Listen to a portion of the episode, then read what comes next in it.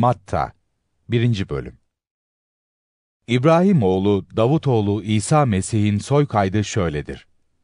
İbrahim İshak'ın babasıydı. İshak Yakup'un babasıydı. Yakup Yahuda ve kardeşlerinin babasıydı. Yahuda Tamar'dan doğan Peres'le Zerah'ın babasıydı. Peres Hesron'un babasıydı. Hesron Ram'ın babasıydı. Ram Amminadab'ın babasıydı. Amminadab Nahşon'un babasıydı. Nahşon Salmon'un babasıydı. Salmon Rahav'dan doğan Boaz'ın babasıydı. Boaz Rut'tan doğan Ovet'in babasıydı. Ovet İşay'ın babasıydı. İşay Kral Davut'un babasıydı. Davut Uriya'nın karısından doğan Süleyman'ın babasıydı. Süleyman Rehavam'ın babasıydı. Rehavam Aviya'nın babasıydı. Aviya Asa'nın babasıydı. Asa Yehoşafat'ın babasıydı. Yehoşafat Yehoram'ın babasıydı. Yehoram Uziya'nın babasıydı. Uziya Yotam'ın babasıydı. Yotam Ahaz'ın babasıydı. Ahaz Hiskiya'nın babasıydı. Hiskiya Manaşşe'nin babasıydı. Manaşşe Amon'un babasıydı. Amon Yoşiya'nın babasıydı. Yoşiya Babil sürgünü sırasında doğan Yehoyakin'le kardeşlerinin babasıydı. Yehoyakin Babil sürgününden sonra doğan Şealtiel'in babasıydı. Şealtiel Zerubbabil'in babasıydı. Zerubbabil Avihud'un babasıydı. Avihud Elyakim'in babasıydı. Elyakim Azor'un babasıydı. Azor Sadok'un babasıydı. Sadok Ahim'in babasıydı. Ahim Elihud'un babasıydı. Elihud Elazar'ın babasıydı. Elazar Matta'nın babasıydı. Mattan Yakup'un babasıydı. Yakup Meryem'in kocası Yusuf'un babasıydı. Meryem'den Mesih diye tanınan İsa doğdu. Buna göre İbrahim'den Davut'a kadar toplam 14 kuşak, Davut'tan Babil sürgününe kadar 14 kuşak, Babil sürgününden Mesih'e kadar 14 kuşak vardır. İsa Mesih'in doğumu şöyle oldu. Annesi Meryem, Yusuf'la nişanlıydı. Ama birlikte olmalarından önce Meryem'in kutsal ruhtan gebe olduğu anlaşıldı. Nişanlısı Yusuf, doğru bir adam olduğu ve onu herkesin önünde utandırmak istemediği için ondan sessizce ayrılmak niyetindeydi. Ama böyle düşünmesi üzerine Rabbin bir meleği rüyada ona görünerek şöyle dedi.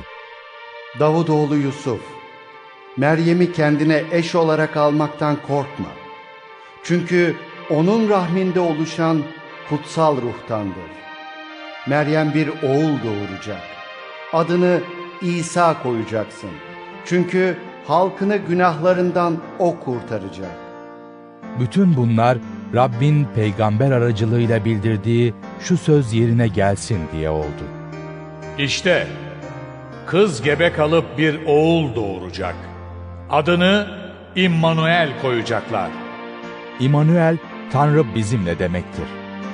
Yusuf uyanınca Rabbin meleğinin buyruğuna uydu ve Meryem'i eş olarak yanına aldı.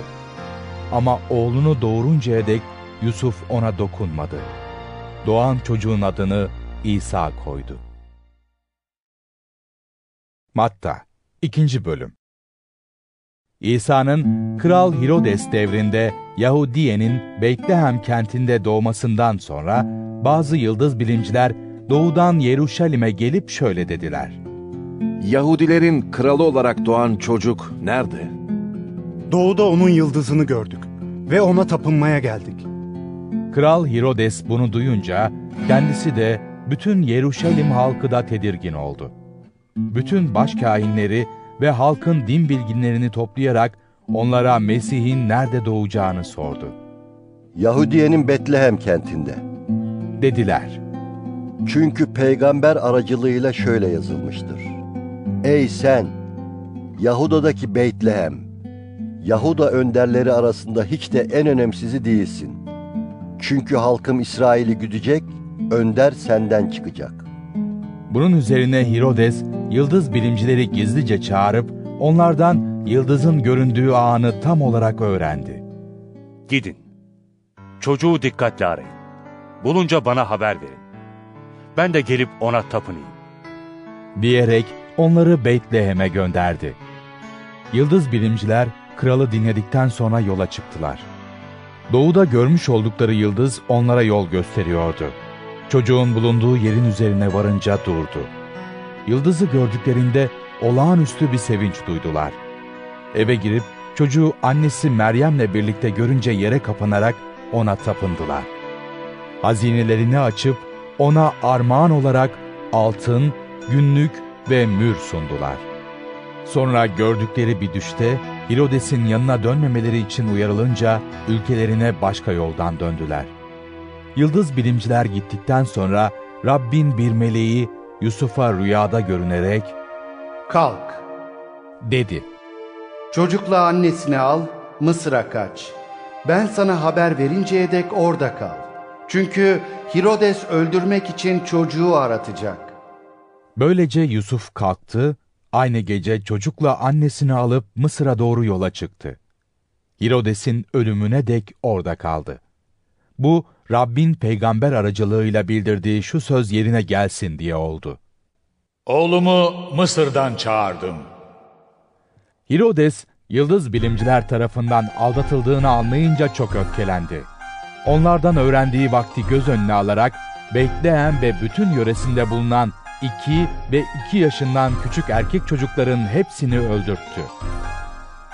Böylelikle Peygamber Yeremya aracılığıyla bildirilen şu söz yerine gelmiş oldu. Ramada bir ses duyuldu. Ağlayış ve acı feryat sesleri. Çocukları için ağlayan Rahel avutulmak istemiyor. Çünkü onlar yok artık. Hirodes öldükten sonra Rabbin bir meleği Mısır'da Yusuf'a rüyada görünerek Kalk, dedi. çocukla annesini al, İsrail'e dön. Çünkü çocuğun canına kıymak isteyenler öldü. Bunun üzerine Yusuf kalktı, çocukla annesini alıp İsrail'e döndü. Ama Yahudiye'de Hirodes'in yerine oğlu Arhelas'ın kral olduğunu duyunca oraya gitmekten korktu. Rüyada uyarılınca Celile bölgesine gitti. Oraya varınca Nasıra denen kente yerleşti. Bu, peygamberler aracılığıyla bildirilen Ona Nasıralı denecektir. sözü yerine gelsin diye oldu. Matta 3. Bölüm O günlerde vaftizci Yahya Yahudiye çölünde ortaya çıktı. Şu çağrıyı yapıyordu. Tövbe edin. Göklerin egemenliği yaklaşmıştır. Nitekim peygamber Yeşaya aracılığıyla sözü edilen kişi Yahya'dır. Yeşaya şöyle demişti. Çölde haykıran, Rabbin yolunu hazırlayın, geçeceği patikaları düzleyin diye sesleniyor. Yahya'nın deve tüyünden giysisi, belinde deri kuşağı vardı. Yediği çekirge ve yaban balıydı. Yeruşalim, bütün Yahudiye ve Şeria yöresinin halkı ona geliyor, günahlarını itiraf ediyor, onun tarafından Şeria ırmağında vaftiz ediliyordu. Ne var ki birçok ferisiyle Saduki'nin vaftiz olmak için kendisine geldiğini gören Yahya onlara şöyle seslendi. Ey engerekler soyu!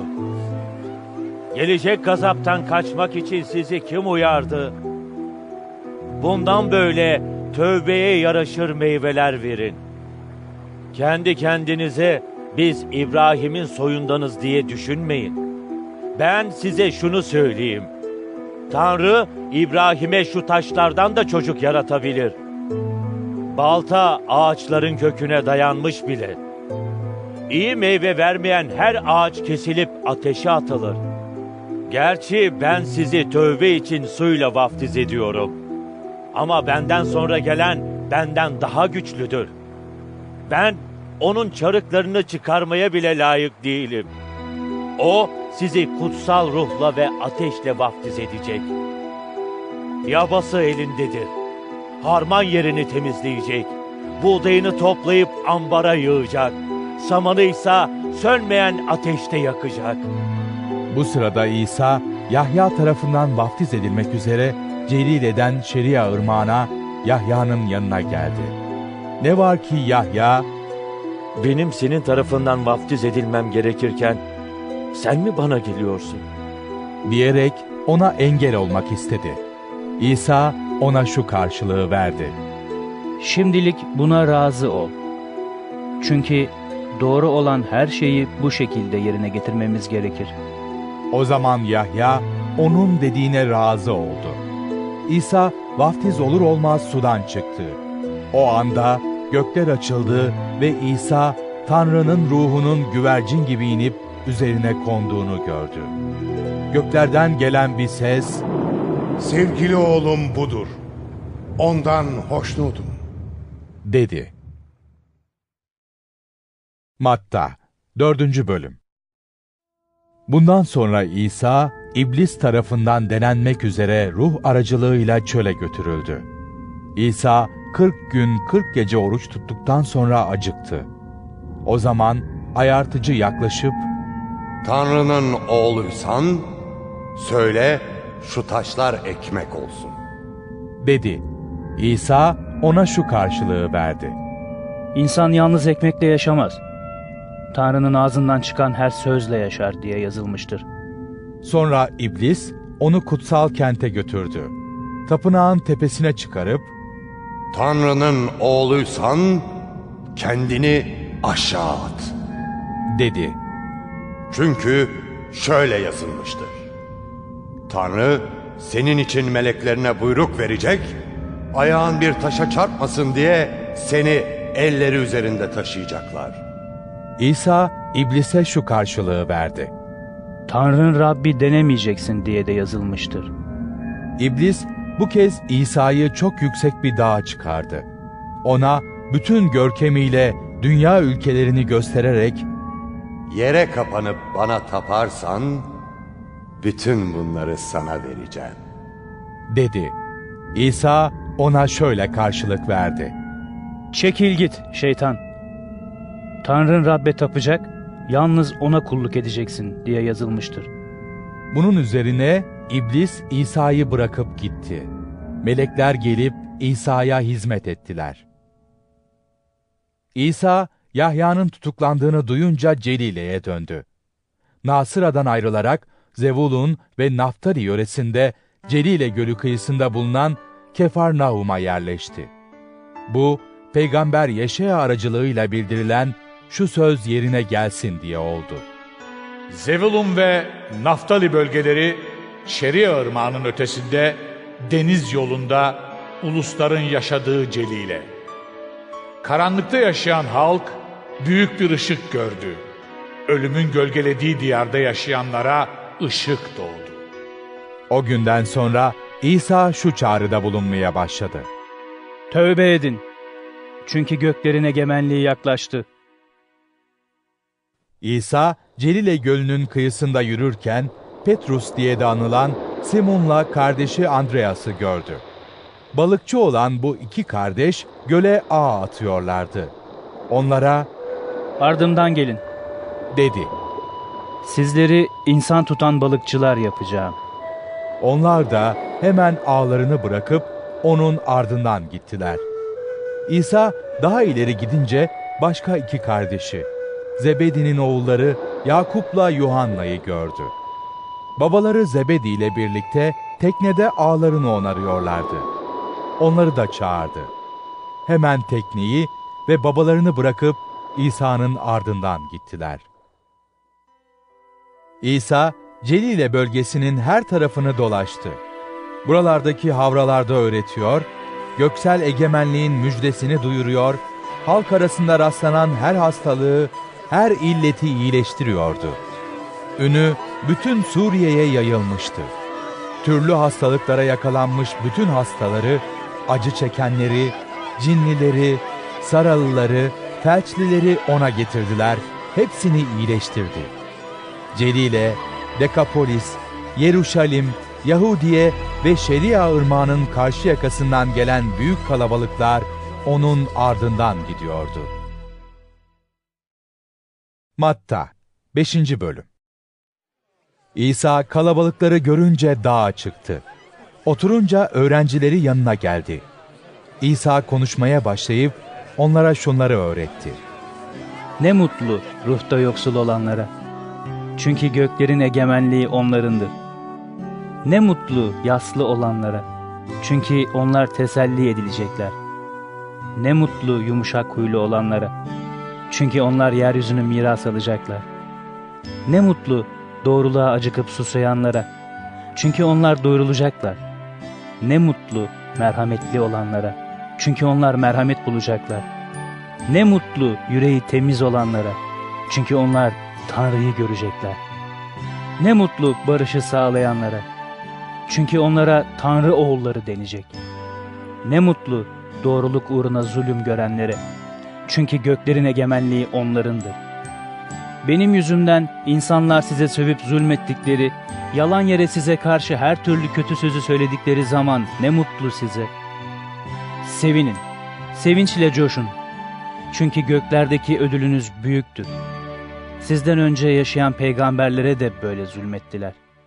Yeryüzünün tuzu sizsiniz. Ama tuz tadını yitirirse bir daha ona nasıl tuz tadı verilebilir? Artık dışarı atılıp ayak altında çiğnenmekten başka işe yaramaz. Dünyanın ışığı sizsiniz. Tepeye kurulan kent gizlenemez. Kimse kandil yakıp tahıl ölçeğinin altına koymaz. Tersine kandilliğe koyar. Evdekilerin hepsine ışık sağlar. Sizin ışığınız insanların önünde öyle parlasın ki, iyi işlerinizi görerek göklerdeki babanızı yüceltsinler. Kutsal yasayı ya da peygamberlerin sözlerini geçersiz kılmak için geldiğimi sanmayın. Ben geçersiz kılmaya değil, tamamlamaya geldim. Size doğrusunu söyleyeyim. Yer ve gök ortadan kalkmadan, her şey gerçekleşmeden, kutsal yasadan ufacık bir harf ya da bir nokta bile yok olmayacak. Bu nedenle, bu buyrukların en küçüğünden birini kim çiğner ve başkalarına öyle öğretirse, göklerin egemenliğinde en küçük sayılacak. Ama bu buyrukları kim yerine getirir ve başkalarına öğretirse, göklerin egemenliğinde büyük sayılacak. Size şunu söyleyeyim. Doğruluğunuz din bilginleriyle ferisilerinkini aşmadıkça, göklerin egemenliğine asla giremezsiniz. Atalarımıza, adam öldürmeyeceksin, öldüren yargılanacak dendiğini duydunuz.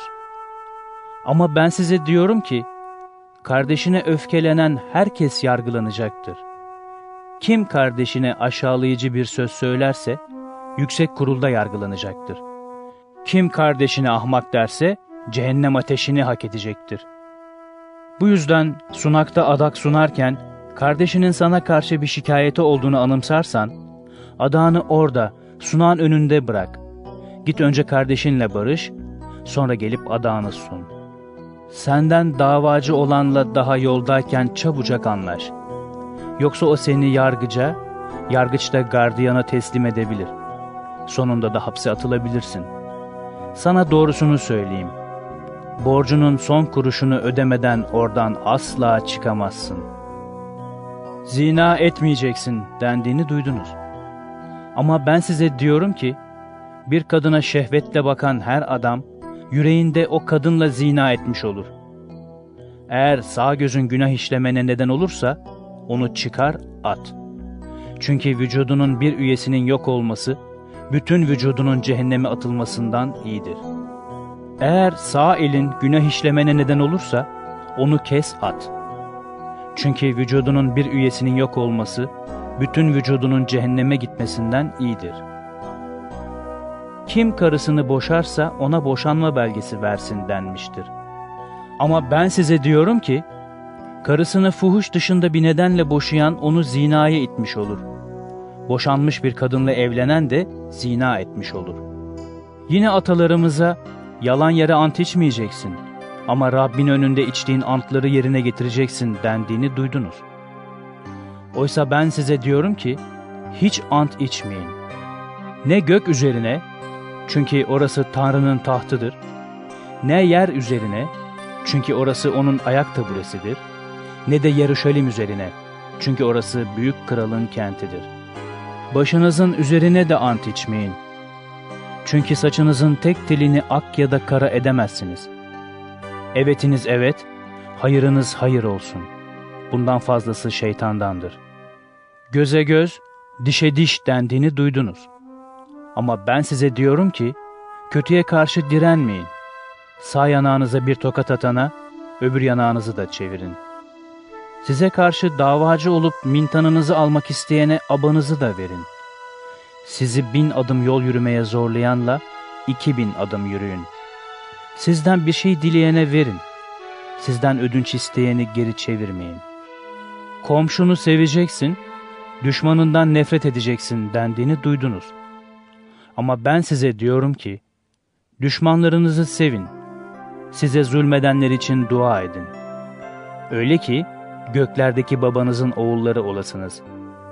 Çünkü o, güneşini hem kötülerin hem iyilerin üzerine doğdurur. Yağmurunu hem doğruların hem eğrilerin üzerine yağdırır. Eğer yalnız sizi sevenleri severseniz ne ödülünüz olur? Vergi görevlileri de öyle yapmıyor mu? Yalnız kardeşlerinize selam verirseniz fazladan ne yapmış olursunuz? Putperestler de öyle yapmıyor mu? Bu nedenle göksel babanız yetkin olduğu gibi siz de yetkin olun. Matta 6. Bölüm Doğruluğunuzu insanların gözü önünde gösteriş amacıyla sergilemekten kaçının. Yoksa göklerdeki babanızdan ödül alamazsınız. Bu nedenle birisine sadaka verirken bunu borazan çaldırarak ilan etmeyin. İkiyüzlüler insanların övgüsünü kazanmak için havralarda ve sokaklarda böyle yaparlar. Size doğrusunu söyleyeyim. Onlar ödüllerini almışlardır. Siz sadaka verirken sol eliniz sağ elinizin ne yaptığını bilmesin. Öyle ki verdiğiniz sadaka gizli kalsın. Gizlice yapılanı gören babanız sizi ödüllendirecektir. Dua ettiğiniz zaman ikiyüzlüler gibi olmayın. Onlar herkes kendilerini görsün diye havralarda ve caddelerin köşe başlarında dikilip dua etmekten zevk alırlar. Size doğrusunu söyleyeyim. Onlar ödüllerini almışlardır. Ama siz dua edeceğiniz zaman iç odanıza çekilip kapıyı örtün ve gizlide olan babanıza dua edin. Gizlilik içinde yapılanı gören babanız sizi ödüllendirecektir. Dua ettiğinizde putperestler gibi boş sözler tekrarlayıp durmayın. Onlar söz kalabalığıyla seslerini duyurabileceklerini sanırlar. Siz onlara benzemeyin. Çünkü babanız nelere gereksinmeniz olduğunu siz daha ondan dilemeden önce bilir. Bunun için siz şöyle dua edin. Göklerdeki babamız, adın kutsal kılınsın. Egemenliğin gelsin. Gökte olduğu gibi yeryüzünde de senin istediğin olsun. Bugün bize gündelik ekmeğimizi ver. Bize karşı suç işleyenleri bağışladığımız gibi sen de bizim suçlarımızı bağışla. Ayartılmamıza izin verme. Bizi kötü olandan kurtar. Çünkü egemenlik, güç ve yücelik sonsuzlara dek senindir. Amin. Başkalarının suçlarını bağışlarsanız, göksel babanız da sizin suçlarınızı bağışlar. Ama siz başkalarının suçlarını bağışlamazsanız, babanız da sizin suçlarınızı bağışlamaz. Oruç tuttuğunuz zaman, iki yüzlüler gibi surat asmayın. Onlar, oruç tuttuklarını insanlara belli etmek için kendilerine perişan bir görünüm verirler. Size doğrusunu söyleyeyim. Onlar ödüllerini almışlardır. Siz oruç tuttuğunuz zaman başınıza yağ sürüp yüzünüzü yıkayın. Öyle ki insanlara değil, gizlide olan babanıza oruçlu görünesiniz. Gizlilik içinde yapılanı gören babanız sizi ödüllendirecektir.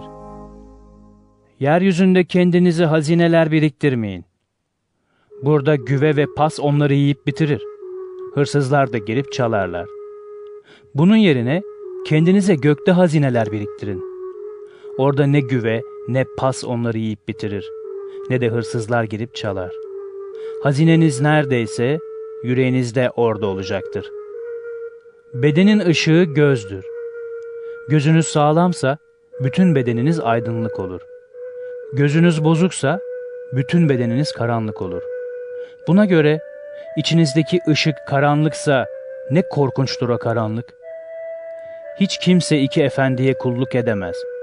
Ya birinden nefret edip öbürünü sever ya da birine bağlanıp öbürünü hor görür. Siz hem Tanrı'ya hem de paraya kulluk edemezsiniz. Bu nedenle size şunu söylüyorum. Ne yiyip ne içeceğiz diye canınız için, ne giyeceğiz diye bedeniniz için kaygılanmayın. Can yiyecekten, beden de giyecekten daha önemli değil mi? Gökte uçan kuşlara bakın. Ne eker, ne biçer, ne de ambarlarda yiyecek biriktirirler. Göksel babanız yine de onları doyurur. Siz onlardan çok daha değerli değil misiniz? Hangi biriniz kaygılanmakla ömrünü bir anlık uzatabilir? Giyecek konusunda neden kaygılanıyorsunuz? Kırzambaklarının nasıl büyüdüğüne bakın. Ne çalışırlar, ne de iplik eğirirler. Ama size şunu söyleyeyim.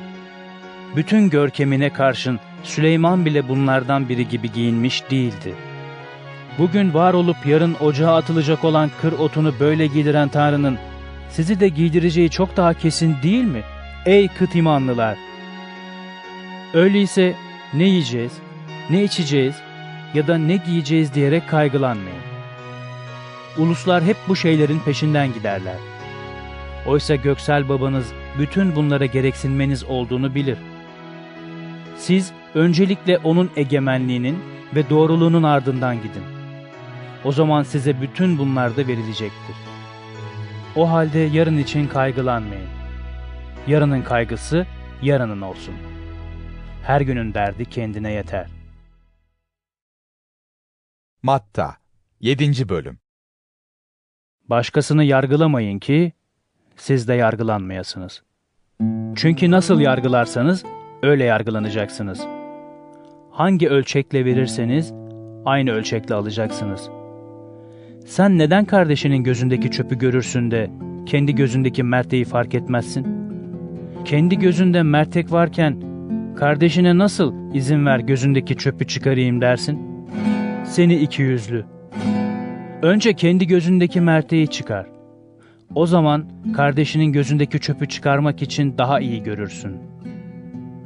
Kutsal olanı köpeklere vermeyin. İncilerinizi domuzların önüne atmayın. Yoksa bunları ayaklarıyla çiğnedikten sonra dönüp sizi parçalayabilirler. Dileyin, size verilecek.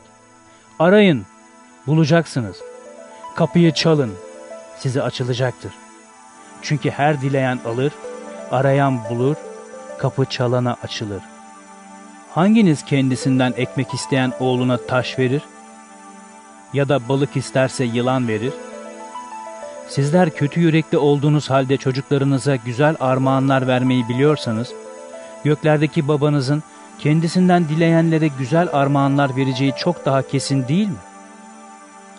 İnsanların size nasıl davranmasını istiyorsanız, siz de onlara öyle davranın.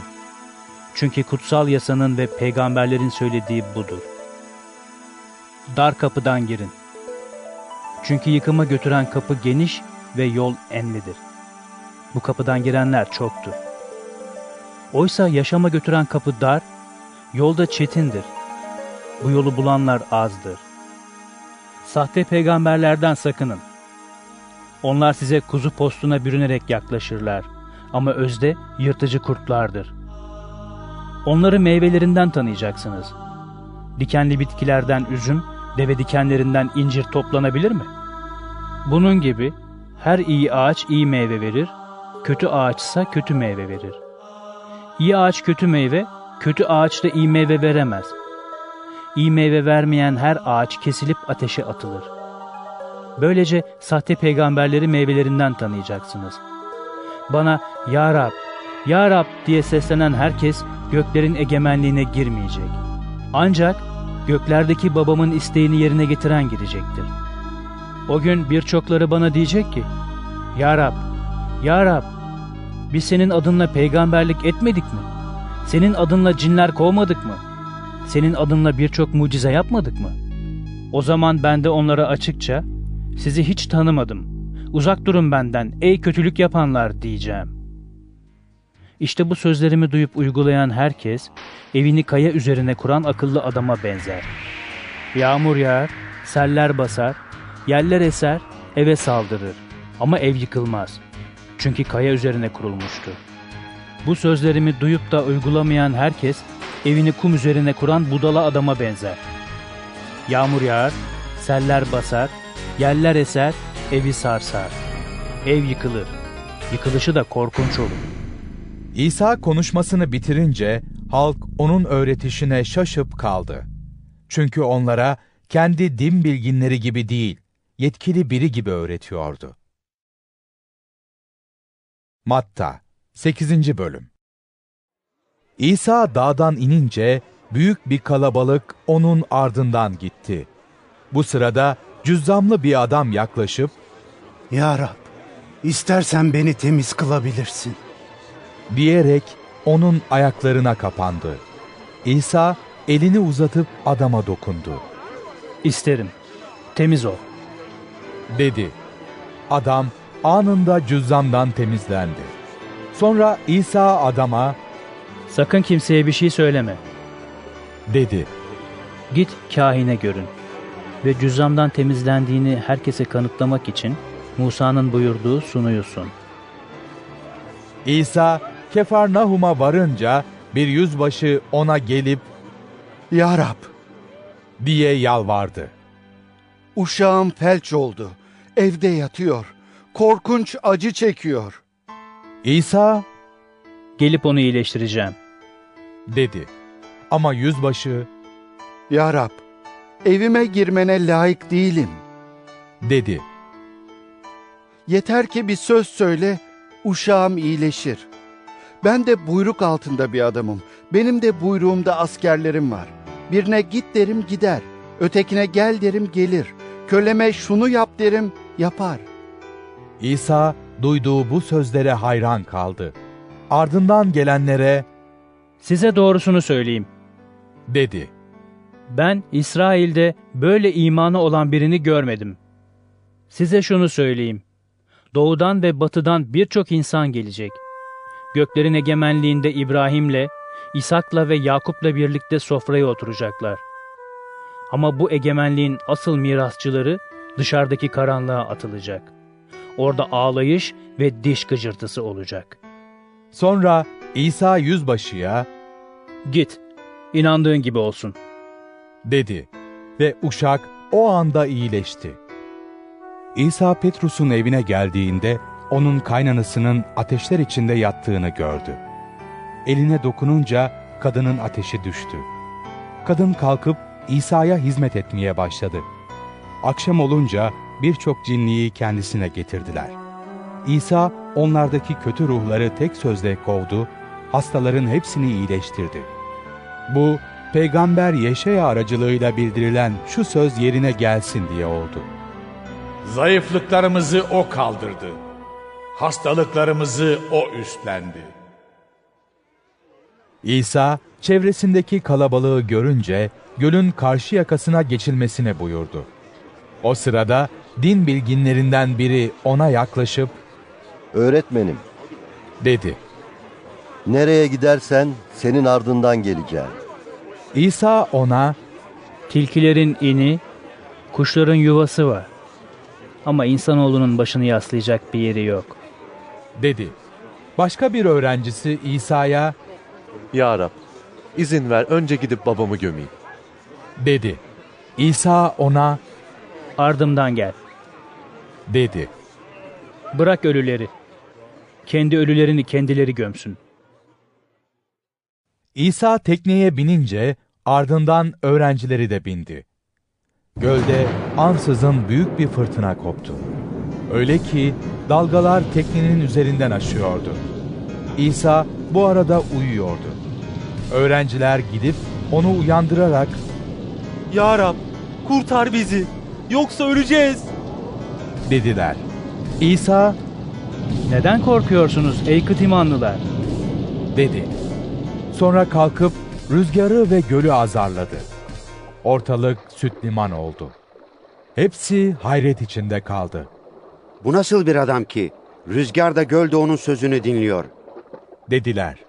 İsa gölün karşı yakasında Gadaralıların memleketine vardı. Orada onu mezarlık mağaralardan çıkan iki cinli karşıladı. Bunlar öyle tehlikeliydi ki kimse o yoldan geçemiyordu. İsa'ya Ey Tanrı'nın oğlu, bizden ne istiyorsun? diye bağırdılar. Buraya vaktinden önce bize işkence etmek için mi geldin? Onlardan uzakta otlayan büyük bir domuz sürüsü vardı. Cinler İsa'ya Bizi kovacaksan şu domuz sürüsüne gönder. diye yalvardılar. İsa onlara Gidin. dedi. Cinler de adamlardan çıkıp domuzların içine girdiler. O anda bütün sürü dik yamaçtan aşağı koşuşarak göle atlayıp boğuldu. Domuzları güdenler kaçıp kente gittiler. Cinli adamlarla ilgili haberler dahil olup bitenlerin hepsini anlattılar. Bunun üzerine bütün kent halkı İsa'yı karşılamaya çıktı. Onu görünce bölgelerinden ayrılması için yalvardılar. Matta 9. Bölüm İsa tekneye binip karşı kıyıya geçti ve kendi kentine gitti. Kendisine yatak üzerinde felçli bir adam getirdiler. İsa onların imanını görünce felçliye Cesur ol oğlum. Günahların bağışlandı. dedi. Bunun üzerine bazı din bilginleri içlerinden Bu adam Tanrı'ya küfrediyor. dediler. Onların ne düşündüklerini bilen İsa dedi ki, Yüreğinizde neden kötü düşüncelere yer veriyorsunuz? Hangisi daha kolay? Günahların bağışlandı demek mi? Yoksa kalk yürü demek mi? Ne var ki insanoğlunun yeryüzünde günahları bağışlama yetkisine sahip olduğunu bilesiniz diye sonra felçliye kalk yatağını topla evine git. dedi. Adam da kalkıp evine gitti. Halk bunu görünce korkuya kapıldı. İnsana böyle bir yetki veren Tanrı'yı yücelttiler. İsa oradan geçerken vergi toplama yerinde oturan birini gördü. Matta adındaki bu adama Ardımdan gel. dedi. Adam da kalkıp İsa'nın ardından gitti. Sonra İsa Matta'nın evinde sofrada otururken birçok vergi görevlisiyle günahkar gelip onunla ve öğrencileriyle birlikte sofraya oturdu. Bunu gören ferisiler İsa'nın öğrencilerine Sizin öğretmeniniz neden vergi görevlileri ve günahkarlarla birlikte yemek yiyor? diye sordular. İsa bunu duyunca şöyle dedi. Sağlamların değil, hastaların hekime ihtiyacı var. Gidin de ben kurban değil, merhamet isterim sözünün anlamını öğrenin. Çünkü ben doğru kişileri değil, günahkarları çağırmaya geldim. Bu arada Yahya'nın öğrencileri gelip İsa'ya Neden biz ve ferisiler oruç tutuyoruz da senin öğrencilerin tutmuyor? diye sordular. İsa şöyle karşılık verdi. Güvey aralarındayken davetliler yas tutar mı? Ama güveyin aralarından alınacağı günler gelecek. O zaman oruç tutacaklar. Hiç kimse eski giysiyi yeni kumaş parçasıyla yamamaz. Çünkü yeni kumaş çeker, giysiden kopar, yırtık daha beter olur. Hiç kimse yeni şarabı eski tulumlara doldurmaz. Yoksa tulumlar patlar, hem şarap dökülür, hem de tulumlar mahvolur. Yeni şarap yeni tulumlara konur. Böylece her ikisi de korunmuş olur. İsa onlara bu sözleri söylerken bir havra yöneticisi gelip onun önünde yere kapanarak Kızım az önce öldü. Ama sen gelip elini onun üzerine koyarsan dirilecek. dedi. İsa kalkıp öğrencileriyle birlikte adamın ardından gitti. Tam o sırada 12 yıldır kanaması olan bir kadın İsa'nın arkasından yetişip giysisinin eteğine dokundu. İçinden Giysisine bir dokunsam kurtulurum. diyordu. İsa arkasına dönüp onu görünce Cesur ol kızım. İmanın seni kurtardı. dedi ve kadın o anda iyileşti. İsa yöneticinin evine varıp kaval çalanlarla gürültülü kalabalığı görünce Çekilin.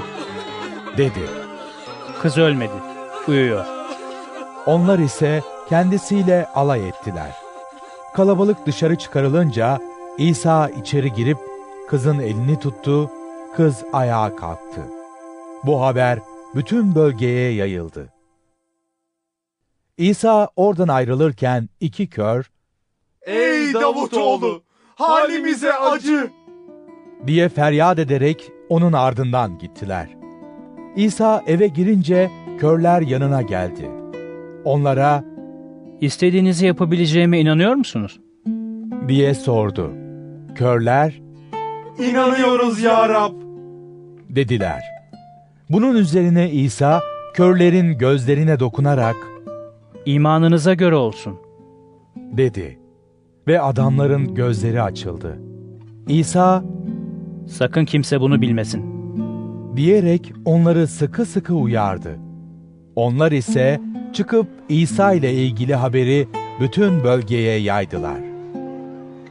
Adamlar çıkarken İsa'ya dilsiz bir cinli getirdiler.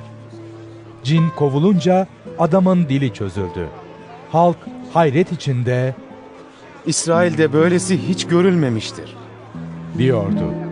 Ferisiler ise Cinleri cinlerin önlerinin gücüyle kovuyor. Diyorlardı.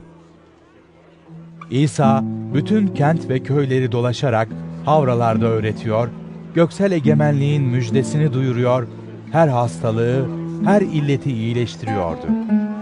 Kalabalıkları görünce onlara acıdı. Çünkü çobansız koyunlar gibi şaşkın ve perişandılar. O zaman İsa öğrencilerine Ürün bol ama işçi az. dedi. Bu nedenle ürünün sahibi Rabbe yalvarın. Ürününü kaldıracak işçiler göndersin. Matta 10. Bölüm İsa 12 öğrencisini yanına çağırıp onlara kötü ruhlar üzerinde yetki verdi. Böylece kötü ruhları kovacak, her hastalığı, her illeti iyileştireceklerdi. Bu 12 elçinin adları şöyle. Birincisi Petrus adıyla bilinen Simon, onun kardeşi Andreas, Zebedi'nin oğulları Yakup ve Yuhanna, Filipus ve Bartalmay, Thomas ve vergi görevlisi Matta, Alfay oğlu Yakup ve Taday, yurtsever Simon ve İsa'ya ihanet eden Yahuda İskaryot. İsa 12'leri şu buyrukla halkın arasına gönderdi. Öteki ulusların arasına girmeyin. Samiriyelilerin kentlerine de uğramayın. Bunun yerine İsrail halkının yetik koyunlarına gidin. Gittiğiniz her yerde göklerin egemenliğinin yaklaştığını duyurun. Hastaları iyileştirin, ölüleri diriltin, cüzzamlıları temiz kılın, cinleri kovun. Karşılıksız aldınız, karşılıksız verin. Kuşağınıza altın, gümüş ya da bakır para koymayın. Yolculuk için ne torba, ne yedek mintan, ne çarık, ne de değnek alın. Çünkü işçi yiyeceğini hak eder. Hangi kent ya da köye girerseniz, orada saygıdeğer birini arayın ve ayrılıncaya dek onunla kalın. Onun evine girerken evdekilere esenlik dileyin. Eğer evdekiler buna layıksa, dilediğiniz esenlik üzerlerinde kalsın. Layık değillerse, size geri dönsün. Sizi kabul etmez, sözlerinizi dinlemezlerse, o evden ya da kentten ayrılırken ayaklarınızın tozunu silkin. Size doğrusunu söyleyeyim. Yargı günü o kentin hali Sodom'la Gomorra bölgesinin halinden beter olacaktır. İşte sizi koyunlar gibi kurtların arasına gönderiyorum. Yılan gibi zeki, güvercin gibi saf olun. İnsanlardan sakının. Çünkü sizi mahkemelere verecek, havralarında kamçılayacaklar. Benden ötürü valilerin, kralların önüne çıkarılacak, böylece onlara ve uluslara tanıklık edeceksiniz. Sizleri mahkemeye verdiklerinde neyi nasıl söyleyeceğinizi düşünerek kaygılanmayın. Ne söyleyeceğiniz o anda size bildirilecek. Çünkü konuşan siz değil, aracılığınızla konuşan babanızın ruhu olacak. Kardeş kardeşi, baba çocuğunu ölüme teslim edecek. Çocuklar anne babaya baş kaldırıp onları öldürtecek. Benim adımdan ötürü herkes sizden nefret edecek. Ama sonuna kadar dayanan kurtulacaktır. Bir kentte size zulmettikleri zaman ötekine kaçın.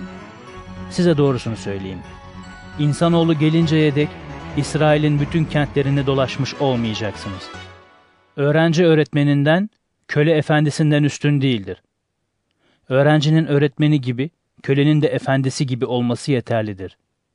İnsanlar evin efendisine Bağzevul derlerse ev halkına neler demezler. Bu yüzden onlardan korkmayın. Çünkü örtülü olup da açığa çıkarılmayacak, gizli olup da bilinmeyecek hiçbir şey yoktur. Size karanlıkta söylediklerimi siz gün ışığında söyleyin. Kulağınıza fısıldananı damlardan duyurun. Bedeni öldüren ama canı öldüremeyenlerden korkmayın. Canı da bedeni de cehennemde mahvedebilen Tanrı'dan korkun. İki serçe bir meteliğe satılmıyor mu? Ama babanızın izni olmadan bunlardan bir teki bile yere düşmez.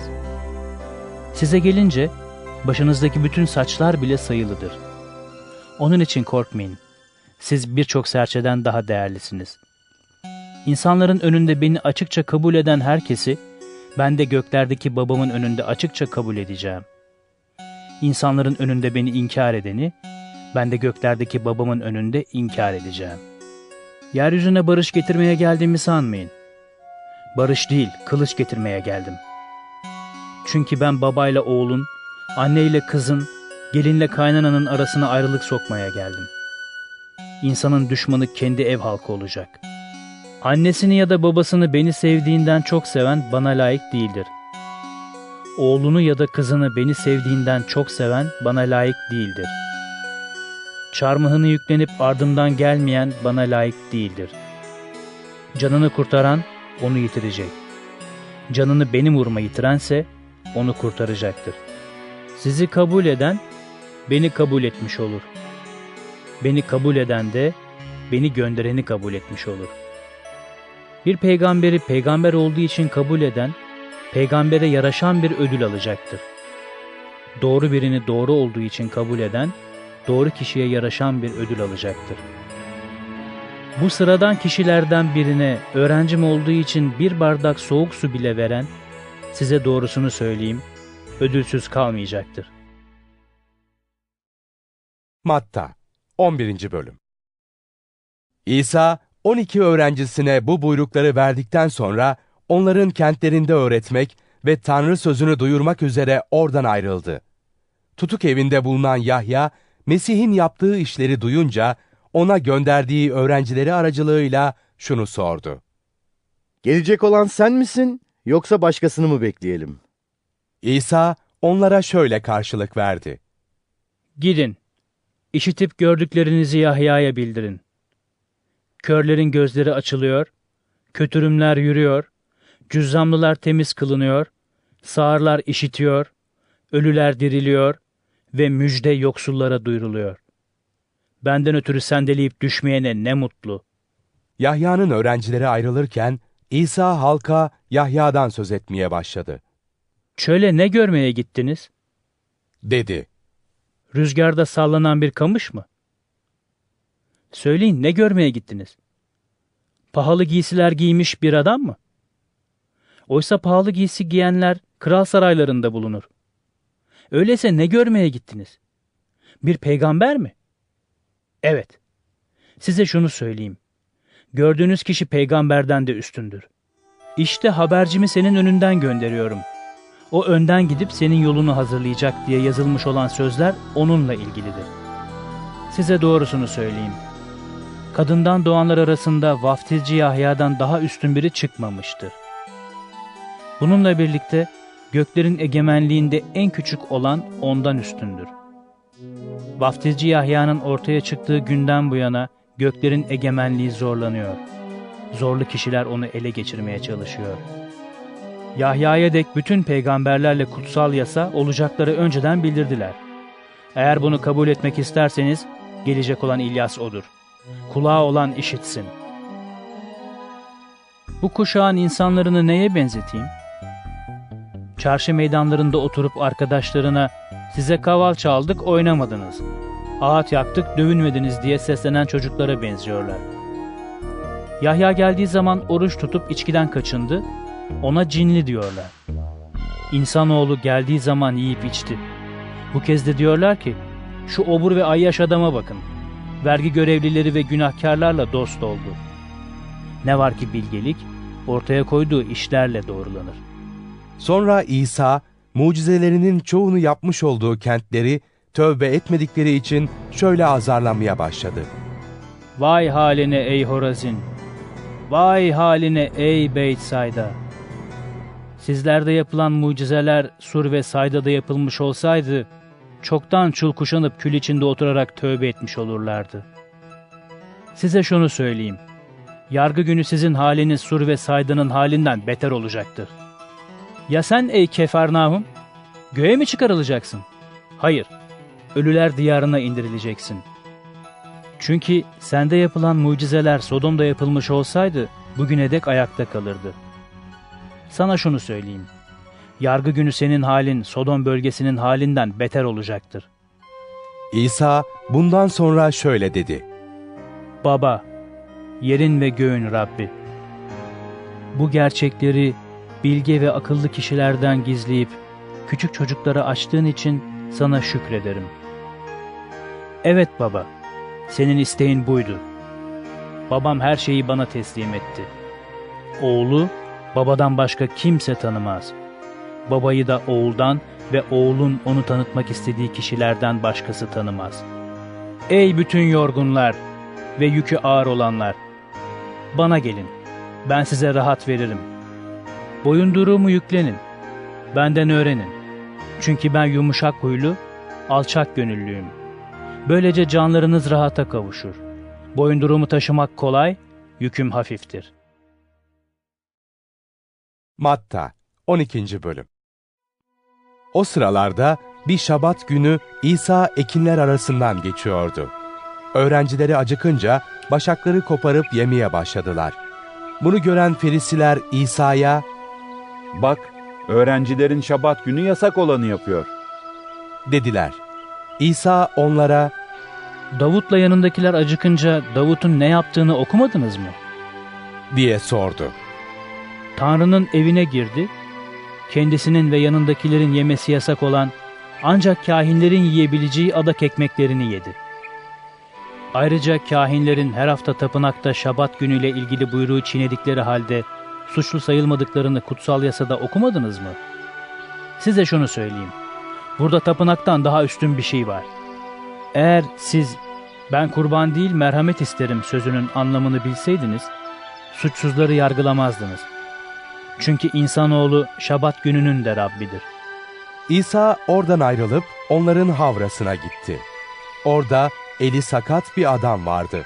İsa'yı suçlamak amacıyla kendisine Şabat günü bir hastayı iyileştirmek kutsal yasaya uygun mudur? diye sordular. İsa onlara şu karşılığı verdi.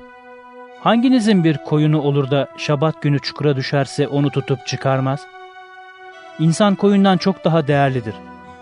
Demek ki şabat günü iyilik yapmak yasaya uygundur. Sonra adama elini uzat dedi.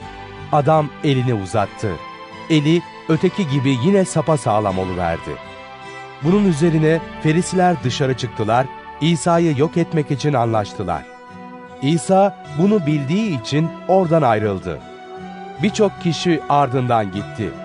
İsa hepsini iyileştirdi. Kim olduğunu açıklamamaları için onları uyardı. Bu, Peygamber Yeşaya aracılığıyla bildirilen şu söz yerine gelsin diye oldu.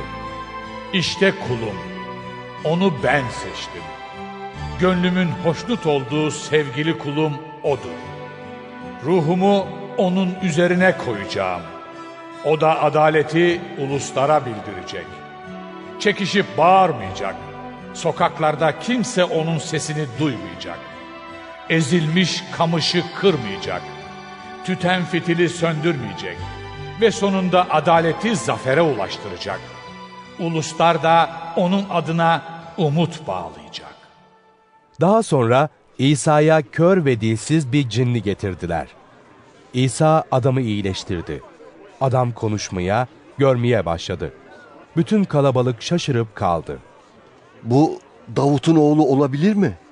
diye soruyorlardı.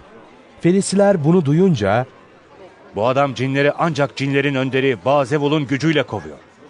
dediler. Onların ne düşündüğünü bilen İsa şöyle dedi. Kendi içinde bölünen ülke yıkılır. Kendi içinde bölünen kent ya da ev ayakta kalamaz. Eğer şeytan şeytanı kovarsa kendi içinde bölünmüş demektir. Bu durumda onun egemenliği nasıl ayakta kalabilir? Eğer ben cinleri Balzevul'un gücüyle kovuyorsam sizin adamlarınız kimin gücüyle kovuyor? Bu durumda sizi kendi adamlarınız yargılayacak. Ama ben cinleri Tanrı'nın ruhuyla kovuyorsam Tanrı'nın egemenliği üzerinize gelmiş demektir. Bir kimse güçlü adamın evine girip malını nasıl çalabilir? Ancak onu bağladıktan sonra evini soyabilir. Benden yana olmayan bana karşıdır. Benimle birlikte toplamayan dağıtıyor demektir. Bunun için size diyorum ki, insanların işlediği her günah, ettiği her küfür bağışlanacak ama ruha edilen küfür bağışlanmayacaktır. İnsanoğluna karşı bir söz söyleyen bağışlanacak ama kutsal ruha karşı bir söz söyleyen ne bu çağda ne de gelecek çağda bağışlanacaktır. Ya ağacı iyi, meyvesini de iyi sayın ya da ağacı kötü, meyvesini de kötü sayın.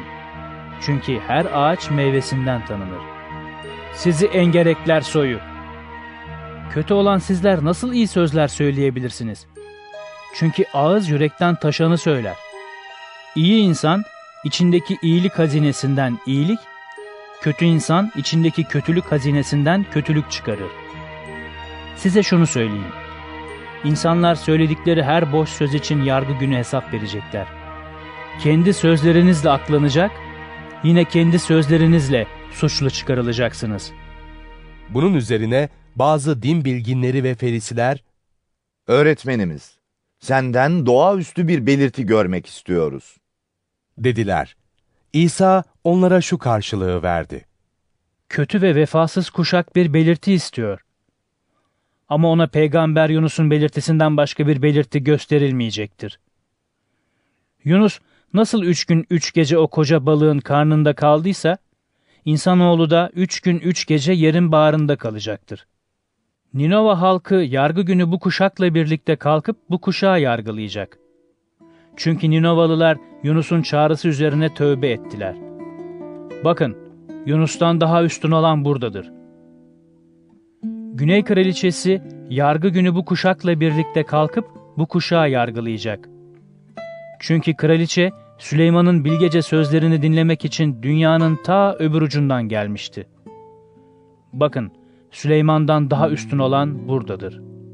Kötü ruh insandan çıkınca kurak yerlerde dolanıp huzur arar ama bulamaz. O zaman çıktığım eve, kendi evime döneyim der. Eve gelince orayı bomboş, süpürülmüş, düzeltilmiş bulur. Bunun üzerine gider yanına kendisinden kötü yedi ruh daha alır ve eve girip yerleşirler. Böylece o kişinin son durumu ilkinden beter olur. Bu kötü kuşağın başına gelecek olan da budur. İsa daha halka konuşurken annesiyle kardeşleri geldi. Dışarıda durmuş, onunla konuşmak istiyorlardı. Birisi İsa'ya, Bak, annenle kardeşlerin dışarıda duruyor. Seninle görüşmek istiyorlar. dedi. İsa kendisiyle konuşana, Kimdir annem? Kimdir kardeşlerim? karşılığını verdi. Eliyle öğrencilerini göstererek, İşte annem, işte kardeşlerim. dedi. Göklerdeki babamın isteğini kim yerine getirirse, kardeşim, kız kardeşim ve annem odur. Matta 13. Bölüm Aynı gün İsa evden çıktı, gidip göl kıyısında oturdu. Çevresinde büyük bir kalabalık toplandı. Bu yüzden İsa tekneye binip oturdu. Bütün kalabalık kıyıda duruyordu. İsa onlara benzetmelerle birçok şey anlattı. Bakın, Dedi, ikincinin biri tohum ekmeye çıktı. Ektiği tohumlardan kimi yol kenarına düştü. Kuşlar gelip bunları yedi. Kimi toprağa az, kayalık yerlere düştü. Toprak derin olmadığından hemen filizlendi. Ne var ki güneş doğunca kavruldular. Kök salamadıkları için kuruyup gittiler. Kimi dikenler arasına düştü. Dikenler büyüdü, filizleri boğdu. Kimi ise iyi toprağa düştü. Bazısı yüz, bazısı altmış, bazısı da otuz kat ürün verdi. Kulağı olan işitsin. Öğrencileri gelip İsa'ya Halka neden benzetmelerle konuşuyorsun? diye sordular. İsa şöyle yanıtladı. Göklerin egemenliğinin sırlarını bilme ayrıcılığı size verildi. Ama onlara verilmedi. Çünkü kimde varsa ona daha çok verilecek, bolluğa kavuşturulacak. Ama kimde yoksa elindeki de alınacak. Onlara benzetmelerle konuşmamın nedeni budur. Çünkü gördükleri halde görmezler, duydukları halde duymaz ve anlamazlar. Böylece yaşayanın peygamberlik sözü onlar için gerçekleşmiş oldu. Duyacak duyacak ama hiç anlamayacaksınız. Bakacak bakacak ama hiç görmeyeceksiniz. Çünkü bu halkın yüreği duygusuzlaştı. Kulakları ağırlaştı. Gözlerini kapadılar. Öyle ki gözleri görmesin, kulakları duymasın, yürekleri anlamasın ve bana dönmesinler. Dönselerdi onları iyileştirirdim. Ama ne mutlu size ki gözleriniz görüyor, kulaklarınız işitiyor. Size doğrusunu söyleyeyim. Nice peygamberler, nice doğru kişiler sizin gördüklerinizi görmek istediler. Ama göremediler. Sizin işittiklerinizi işitmek istediler ama işitemediler. Şimdi ikinciyle ilgili benzetmeyi siz dinleyin. Kim göksel egemenlikle ilgili sözü işitir de anlamazsa, kötü olan gelir, onun yüreğine ekileni söker götürür. Yol kenarına ekilen tohum işte budur. Kayalık yerlere ekilen ise, işittiği sözü hemen sevinçle kabul eden ama kök salamadığı için ancak bir süre dayanan kişidir. Böyle biri Tanrı sözünden ötürü sıkıntı ya da zulme uğrayınca hemen sendeleyip düşer. Dikenler arasında ekilen de şudur. Sözü işitir ama dünyasal kaygılar ve zenginliğin aldatıcılığı sözü boğar ve ürün vermesini engeller. İyi toprağa ekilen tohum ise sözü işitip anlayan birine benzer. Böylesi elbette ürün verir. Kimi yüz, kimi altmış, kimi de otuz kat. İsa onlara başka bir benzetme anlattı. Göklerin egemenliği tarlasına iyi tohum eken adama benzer. Dedi. Herkes uyurken adamın düşmanı geldi, buğdayın arasına delice ekip gitti. Ekin gelişip başak salınca deliceler de göründü. Mal sahibinin köleleri gelip ona şöyle dediler. Efendimiz, sen tarlana iyi tohum ekmedin mi? Bu deliceler nereden çıktı? Mal sahibi, bunu bir düşman yapmıştır dedi. Gidip deliceleri toplamamızı ister misin diye sordu köleler. Hayır dedi adam. Deliceleri toplarken belki buğdayı da sökersiniz. Bırakın biçim vaktine dek birlikte büyüsünler. Biçim vakti orakçılara önce deliceleri toplayın diyeceğim. Yakmak için demet yapın. Buğdayı ise toplayıp ambarıma koyun. İsa onlara bir benzetme daha anlattı. Göklerin egemenliği bir adamın tarlasına ektiği hardal tanesine benzer. Dedi. Hardal tohumların en küçüğü olduğu halde gelişince bahçe bitkilerinin boyunu aşar ağaç olur. Böylece kuşlar gelip dallarında barınır. İsa onlara başka bir benzetme anlattı. Göklerin egemenliği bir kadının üç ölçek una karıştırdığı mayaya benzer. Sonunda bütün hamur kabarır. İsa bütün bunları halka benzetmelerle anlattı. Benzetme kullanmadan onlara hiçbir şey anlatmazdı. Bu peygamber aracılığıyla bildirilen şu söz yerine gelsin diye oldu. Ağzımı benzetmeler anlatarak açacağım. Dünyanın kuruluşundan beri gizli kalmış sırları dile getireceğim. Bundan sonra İsa halktan ayrılıp eve gitti. Öğrencileri yanına gelip Tarladaki delicelerle ilgili benzetmeyi bize açıkla. dediler. İsa iyi tohumu eken insanoğludur diye karşılık verdi. Tarla ise dünyadır. İyi tohum göksel egemenliğin oğulları, deliceler de kötü olanın oğullarıdır. Deliceleri eken düşman iblistir. Biçim vakti çağın sonu, orakçılar ise meleklerdir. Deliceler nasıl toplanıp yakılırsa, çağın sonunda da böyle olacaktır. İnsanoğlu meleklerini gönderecek, onlar da insanları günaha düşüren her şeyi, kötülük yapan herkesi onun egemenliğinden toplayıp kızgın fırına atacaklar. Orada ağlayış ve diş gıcırtısı olacaktır.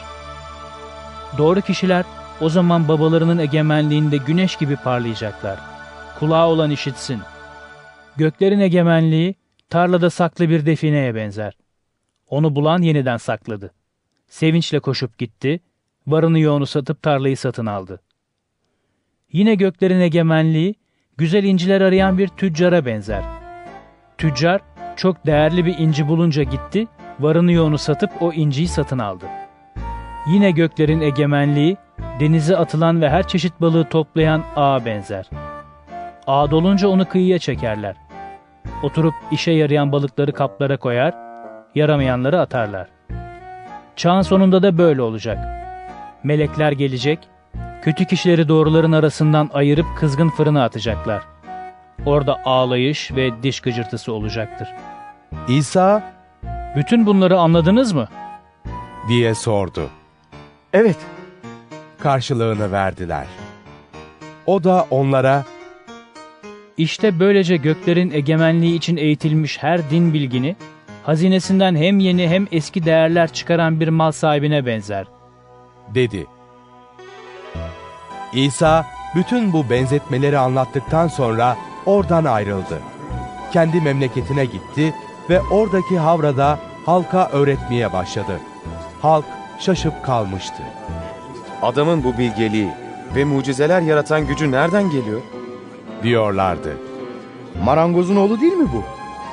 Annesinin adı Meryem değil mi? Yakup, Yusuf, Simun ve Yahuda onun kardeşleri değil mi? Kız kardeşlerin hepsi aramızda yaşamıyor mu? O halde onun bütün bu yaptıkları nereden geliyor? Ve gücenip onu reddettiler. Ama İsa onlara şöyle dedi. Bir peygamber kendi memleketinden ve evinden başka yerde hor görülmez. İmansızlıkları yüzünden İsa orada pek fazla mucize yapmadı. Matta 14. Bölüm O günlerde İsa ile ilgili haberleri duyan bölge kralı Hirodes adamlarına Bu vaftizci Yahya'dır. dedi. Ölümden dirildi. Olağanüstü güçlerin onda etkin olmasının nedeni budur. Hirodes, kardeşi Filipus'un karısı Hirodiye yüzünden Yahya'yı tutuklatmış, bağlatıp zindana attırmıştı. Çünkü Yahya Hirodes'e O kadınla evlenmen kutsal yasaya aykırıdır. demişti. Hirodes, Yahya'yı öldürtmek istemiş ama halktan korkmuştu. Çünkü halk Yahya'yı peygamber sayıyordu. Hirodes'in doğum günü şenliği sırasında Hirodiya'nın kızı ortaya çıkıp dans etti. Bu, Hirodes'in öyle hoşuna gitti ki, and içerek kıza ne dilerse vereceğini söyledi. Kız, annesinin kışkırtmasıyla, Bana şimdi bir tepsi üzerinde vaftizci Yahya'nın başını ver. dedi. Kral buna çok üzüldüyse de konuklarının önünde içtiği anttan ötürü bu dileğin yerine getirilmesini buyurdu. Adam gönderip zindanda Yahya'nın başını kestirdi. Kesik baş tepsiyle getirilip kıza verildi, kız da bunu annesine götürdü. Yahya'nın öğrencileri gelip cesedi aldılar ve gömdüler. Sonra gidip İsa'ya haber verdiler. İsa bunu duyunca tek başına tenha bir yere çekilmek üzere bir tekneyle oradan ayrıldı. Bunu öğrenen halk kentlerden çıkıp onu yaya olarak izledi. İsa tekneden inince büyük bir kalabalıkla karşılaştı. Onlara acıdı ve hasta olanlarını iyileştirdi. Akşama doğru öğrencileri yanına gelip Burası ıssız bir yer. dediler. Vakit de geç oldu. Halkı salıver de köylere gidip kendilerine yiyecek alsınlar. İsa, Gitmelerine gerek yok. Onlara siz yiyecek verin. dedi. Öğrenciler Burada beş ekmekle iki balıktan başka bir şeyimiz yok ki. Dediler. İsa Onları buraya, bana getirin. dedi. Halka çayıra oturmalarını buyurduktan sonra beş ekmekle iki balığı aldı, gözlerini göğe kaldırarak şükretti. Sonra ekmekleri bölüp öğrencilerine verdi, onlar da halka dağıttılar. Herkes yiyip doydu. Arta kalan parçalardan 12 sepet dolusu topladılar. Yemek yiyenlerin sayısı kadın ve çocuklar hariç yaklaşık 5000 erkekti. Bundan hemen sonra İsa öğrencilerine tekneye binip kendisinden önce karşı yakaya geçmelerini buyurdu. Bu arada halkı evlerine gönderecekti. Halkı gönderdikten sonra dua etmek için tek başına dağa çıktı. Akşam olurken orada yalnızdı. O sırada tekne kıyıdan bir hayli uzakta dalgalarla boğuşuyordu. Çünkü rüzgar karşı yönden esiyordu. Sabaha karşı İsa gölün üstünde yürüyerek onlara yaklaştı. Öğrenciler onun gölün üstünde yürüdüğünü görünce dehşete kapıldılar. Bu bir hayalet. Diyerek korkuyla bağırıştılar. Ama İsa hemen onlara seslenerek Cesur olun. Benim. Korkmayın. dedi. Petrus buna karşılık Ya Rab, dedi. Eğer seni sen buyruk ver suyun üstünden yürüyerek sana geleyim. İsa Gel. dedi. Petrus da tekneden indi, suyun üstünden yürüyerek İsa'ya yaklaştı. Ama rüzgarın ne kadar güçlü estiğini görünce korktu, bakmaya başladı. Ya Rab, beni kurtar. diye bağırdı. İsa hemen elini uzatıp onu tuttu. Ona Ey kıt imanlı. Neden kuşku duydun? Dedi. Onlar tekneye bindikten sonra rüzgar dindi. Teknedekiler Sen gerçekten Tanrı'nın oğlusun. diyerek ona tapındılar. Gölü aşıp Ginnesar'da karaya çıktılar. Yöre halkı İsa'yı tanıyınca çevreye haber saldı. Bütün hastaları ona getirdiler. Giysisinin eteğine bir dokunsak diye yalvarıyorlardı. Dokunanların hepsi iyileşti. Matta 15. Bölüm Bu sırada Yeruşalim'den bazı ferisiler ve din bilginleri İsa'ya gelip Öğrencilerin neden atalarımızın töresini çiğniyor? diye sordular. Yemekten önce ellerini yıkamıyorlar. İsa onlara şu karşılığı verdi. Ya siz? Neden töreniz uğruna Tanrı buyruğunu çiğniyorsunuz? Çünkü Tanrı şöyle buyurdu. Annene babana saygı göstereceksin. Annesine ya da babasına söven kesinlikle öldürülecektir. Ama siz, her kim anne ya da babasına benden alacağın bütün yardım Tanrı'ya adanmıştır derse, artık babasına saygı göstermek zorunda değildir diyorsunuz. Böylelikle töreniz uğruna Tanrı'nın sözünü geçersiz kılmış oluyorsunuz. Ey ikiyüzlüler! Yeşayan'ın sizinle ilgili şu peygamberlik sözü ne kadar yerindedir. Bu halk dudaklarıyla beni sayar ama yürekleri benden uzak. Bana boşuna taparlar. Çünkü öğrettikleri sadece insan buyruklarıdır. İsa halkı yanına çağırıp onlara Dinleyin ve şunu belleyin. dedi. Ağızdan giren şey insanı kirletmez. İnsanı kirleten ağızdan çıkandır. Bu sırada öğrencileri ona gelip Biliyor musun? dediler. Ferisiler bu sözü duyunca gücendiler. İsa şu karşılığı verdi. Göksel babamın dikmediği her fidan kökünden sökülecektir. Bırakın onları. Onlar körlerin kör kılavuzlarıdır. Eğer kör köre kılavuzluk ederse ikisi de çukura düşer. Petrus Bu benzetmeyi bize açıkla. dedi Siz de mi hala anlamıyorsunuz? diye sordu İsa. Ağza giren her şeyin mideye indiğini, oradan da helaya atıldığını bilmiyor musunuz? Ne var ki ağızdan çıkan yürekten kaynaklanır. İnsanı kirleten de budur. Çünkü kötü düşünceler, cinayet, zina, fuhuş, hırsızlık, yalan yere tanıklık ve iftira hep yürekten kaynaklanır. İnsanı kirleten bunlardır. Yıkanmamış ellerle yemek yemek insanı kirletmez. İsa oradan ayrılıp Sur ve Sayda bölgesine geçti. O yöreden Kenanlı bir kadın İsa'ya gelip Ya Rab, ey Davutoğlu halime acı. Kızım cine tutuldu, çok kötü durumda. diye feryat etti. İsa kadına hiçbir karşılık vermedi. Öğrencileri yaklaşıp Sal şunu gitsin. diye rica ettiler. Arkamızdan bağırıp duruyor. İsa Ben yalnız İsrail halkının kaybolmuş koyunlarına gönderildim. diye yanıtladı. Kadın ise yaklaşıp Ya Rab, bana yardım et. diyerek onun önünde yere kapandı. İsa ona Çocukların ekmeğini alıp köpeklere atmak doğru değildir. dedi. Kadın Haklısın ya Rab. dedi.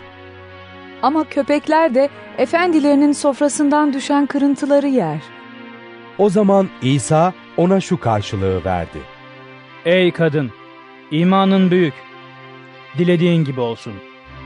Ve kadının kızı o saatte iyileşti. İsa oradan ayrıldı, Celile Gölü'nün kıyısından geçerek dağa çıkıp oturdu. Yanına büyük bir kalabalık geldi. Beraberlerinde kötürüm, kör, çolak, dilsiz ve daha birçok hasta getirdiler. Hastaları onun ayaklarının dibine bıraktılar. O da onları iyileştirdi. Halk, dilsizlerin konuştuğunu, çolakların iyileştiğini, körlerin gördüğünü, kötürümlerin yürüdüğünü görünce şaştı ve İsrail'in Tanrısını yüceltti. İsa öğrencilerini yanına çağırıp Halka acıyorum. Dedi. Üç gündür yanımdalar. Yiyecek hiçbir şeyleri yok. Onları aç aç evlerine göndermek istemiyorum. Yolda bayılabilirler. Öğrenciler kendisine Böyle ıssız bir yerde bu kadar kalabalığı doyuracak ekmeği nereden bulalım? dediler. İsa Kaç ekmeğiniz var? diye sordu. Yedi ekmekle birkaç küçük balığımız var. Dediler.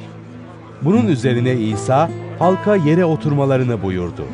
Yedi ekmekle balıkları aldı, şükredip bunları böldü, öğrencilerine verdi. Onlar da halka dağıttılar. Herkes yiyip doydu.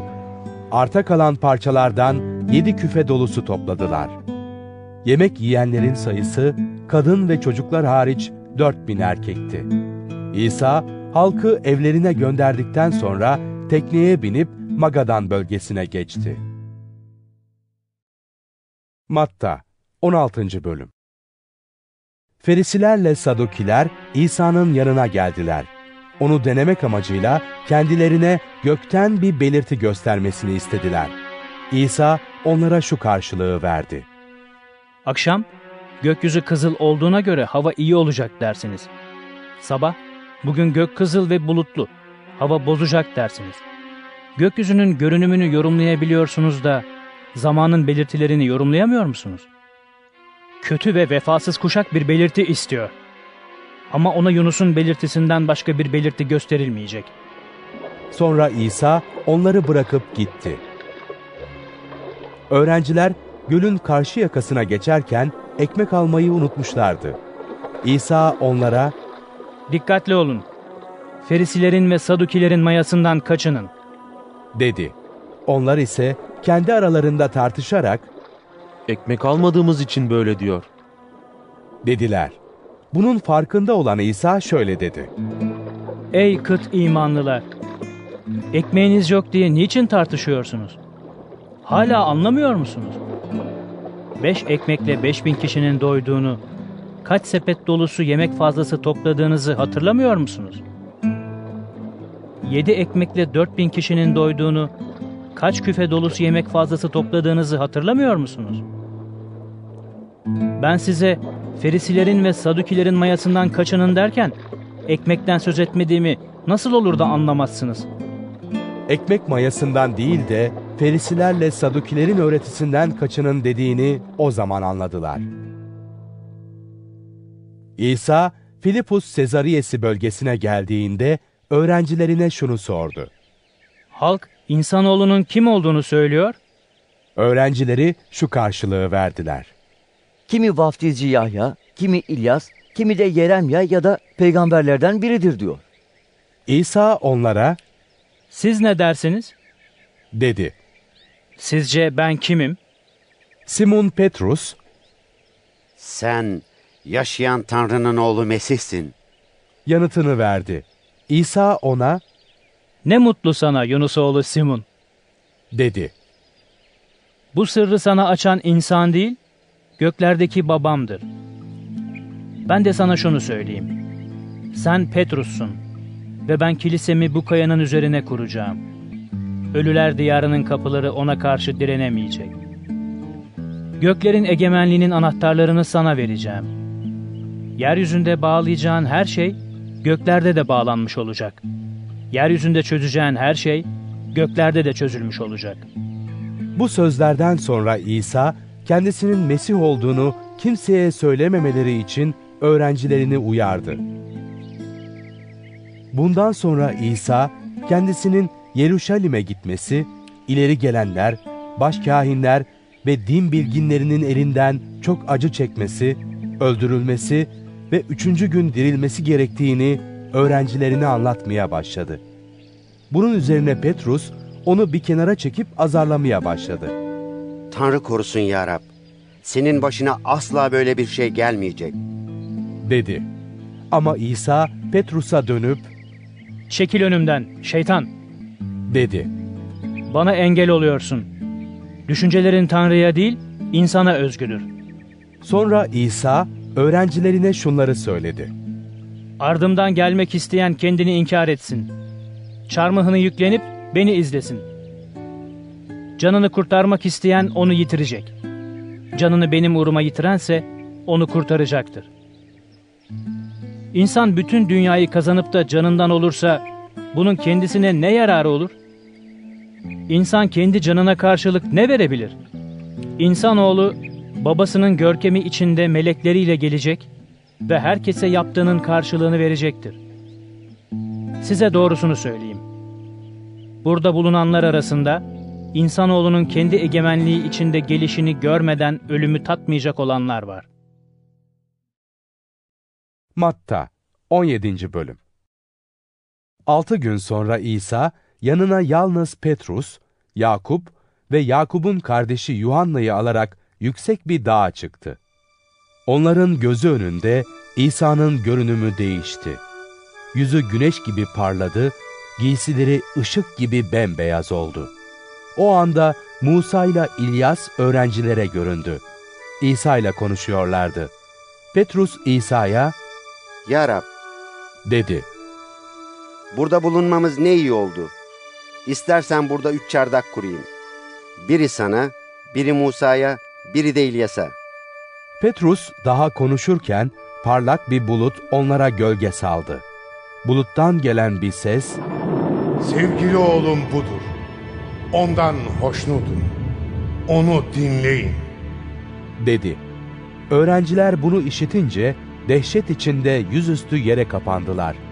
İsa gelip onlara dokundu, Kalkın, korkmayın. dedi. Başlarını kaldırınca İsa'dan başka kimseyi göremediler. Dağdan inerlerken İsa onlara, İnsanoğlu ölümden dirilmeden gördüklerinizi kimseye söylemeyin. diye buyurdu. Öğrencileri ona şunu sordular. Peki din bilginleri neden önce İlyas'ın gelmesi gerektiğini söylüyorlar? İsa, İlyas gerçekten gelecek ve her şeyi yeniden düzene koyacak. diye yanıtladı. Size şunu söyleyeyim. İlyas zaten geldi. Ama onu tanımadılar. Ona yapmadıklarını bırakmadılar. Aynı şekilde insanoğlu da onların elinden acı çekecektir. O zaman öğrenciler İsa'nın kendilerine vaftizci Yahya'dan söz ettiğini anladılar. Kalabalığın yanına vardıklarında bir adam İsa'ya yaklaşıp önünde diz çöktü. Ya Rab, Dedi, oğlumun haline acı. Sarası var. Çok acı çekiyor. Sık sık ateşe, suya düşüyor. Onu senin öğrencilerine getirdim. Ama iyileştiremediler. İsa Ey imansız ve sapmış kuşak! dedi. Sizinle daha ne kadar kalacağım? Size daha ne kadar katlanacağım? Çocuğu buraya, bana getirin. İsa cini azarlayınca cin çocuktan çıktı, çocuk o anda iyileşti. Sonra öğrenciler tek başlarına İsa'ya gelip Biz cini neden kovamadık? diye sordular. İsa İmanınız kıt olduğu için. karşılığını verdi. Size doğrusunu söyleyeyim. Bir hardal tanesi kadar imanınız olsa, şu dağa buradan şuraya göç derseniz göçer. sizin için imkansız bir şey olmayacaktır. Celile'de bir araya geldiklerinde İsa onlara İnsanoğlu insanların eline teslim edilecek ve öldürülecek. Ama üçüncü gün dirilecek. dedi. Öğrenciler buna çok kederlendiler. Kefarnahum'a geldiklerinde iki dirhemlik tapınak vergisini toplayanlar Petrus'a gelip Öğretmeniniz tapınak vergisini ödüyor. Değil mi? diye sordular. Petrus Ödüyor. dedi. Petrus eve gelince daha kendisi bir şey söylemeden İsa ona Simon, ne dersin? dedi. Dünya kralları gümrük ya da vergiyi kimlerden alır? Kendi oğullarından mı, yabancılardan mı? Petrus'un Yabancılardan. demesi üzerine İsa O halde oğullar muaftır. dedi. Ama vergi toplayanları gücendirmeyelim. Göle gidip oltanı at. Tuttuğun ilk balığı çıkar. Onun ağzını aç. Dört dirhemlik bir akçe bulacaksın. Parayı al, ikimizin vergisi olarak onlara ver. Matta 18. bölüm Bu sırada öğrencileri İsa'ya yaklaşıp Göklerin egemenliğinde en büyük kimdir? diye sordular. İsa yanına küçük bir çocuk çağırdı, onu orta yere dikip şöyle dedi. Size doğrusunu söyleyeyim. Yolunuzdan dönüp küçük çocuklar gibi olmazsanız, göklerin egemenliğine asla giremezsiniz. Kim bu çocuk gibi alçak gönüllü olursa, göklerin egemenliğinde en büyük odur. Böyle bir çocuğu benim adım uğruna kabul eden, beni kabul etmiş olur. Ama kim bana iman eden bu küçüklerden birini günaha düşürürse, boynuna kocaman bir değirmen taşı asılıp denizin dibine atılması kendisi için daha iyi olur. İnsanı günaha düşüren tuzaklardan ötürü vay dünyanın haline. Böyle tuzakların olması kaçınılmazdır. Ama bu tuzaklara aracılık eden kişinin vay haline. Eğer elin ya da ayağın günah işlemene neden olursa onu kesip at. Tek el, tek ayakla yaşama kavuşman, iki elle, iki ayakla sönmez ateşe atılmandan iyidir. Eğer gözün günah işlemene neden olursa onu çıkar at. Tek gözle yaşama kavuşman, iki gözle cehennem ateşine atılmandan iyidir. Bu küçüklerden birini bile hor görmekten sakının. Size şunu söyleyeyim. Onların göklerdeki melekleri, göklerdeki babamın yüzünü her zaman görürler. Siz ne dersiniz? Bir adamın yüz koyunu olsa ve bunlardan biri yolunu şaşırsa, 99'unu dağlarda bırakıp yolunu şaşıranı aramaya gitmez mi? Size doğrusunu söyleyeyim. Eğer onu bulursa, yolunu şaşırmamış 99 koyun için sevindiğinden daha çok onun için sevinir. Bunun gibi göklerdeki babanız da bu küçüklerden hiçbirinin kaybolmasını istemez. Eğer kardeşin sana karşı günah işlerse, ona git, suçunu kendisine göster. Her şey yalnız ikinizin arasında kalsın. Kardeşin seni dinlerse, onu kazanmış olursun.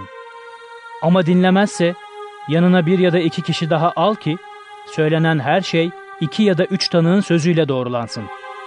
Onları da dinlemezse, durumu inanlılar topluluğuna bildir. Topluluğu da dinlemezse, onu putperest ya da vergi görevlisi say. Size doğrusunu söyleyeyim. Yeryüzünde bağlayacağınız her şey gökte de bağlanmış olacak. Yeryüzünde çözeceğiniz her şey gökte de çözülmüş olacak. Yine size şunu söyleyeyim.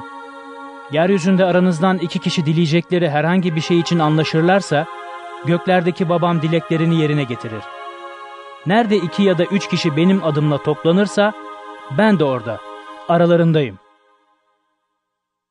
Bunun üzerine Petrus İsa'ya gelip Ya Rab, dedi. kardeşim bana karşı kaç kez günah işlerse onu bağışlamalıyım? Yedi kez mi? İsa Yedi kez değil, dedi.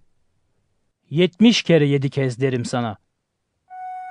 Şöyle ki, göklerin egemenliği köleleriyle hesaplaşmak isteyen bir krala benzer. Kral hesap görmeye başladığında kendisine borcu on bin talantı bulan bir köle getirildi. Kölenin ödeme gücü olmadığından efendisi onun, karısının çocuklarının ve bütün malının satılıp borcunun ödenmesini buyurdu. Köle yere kapanıp efendisine ne olur sabret, bütün borcumu ödeyeceğim dedi. Efendisi köleye acıdı, borcunu bağışlayıp onu salıverdi. Ama köle çıkıp gitti. Kendisine yüz dinar borcu olan başka bir köleye rastladı. Onu yakalayıp borcunu öde diyerek boğazına sarıldı. Bu köle yüzüstü yere kapandı. Ne olur sabret, borcumu ödeyeceğim diye yalvardı. Ama ilk köle bunu reddetti. Gitti, borcunu ödeyinceye dek adamı zindana kapattı.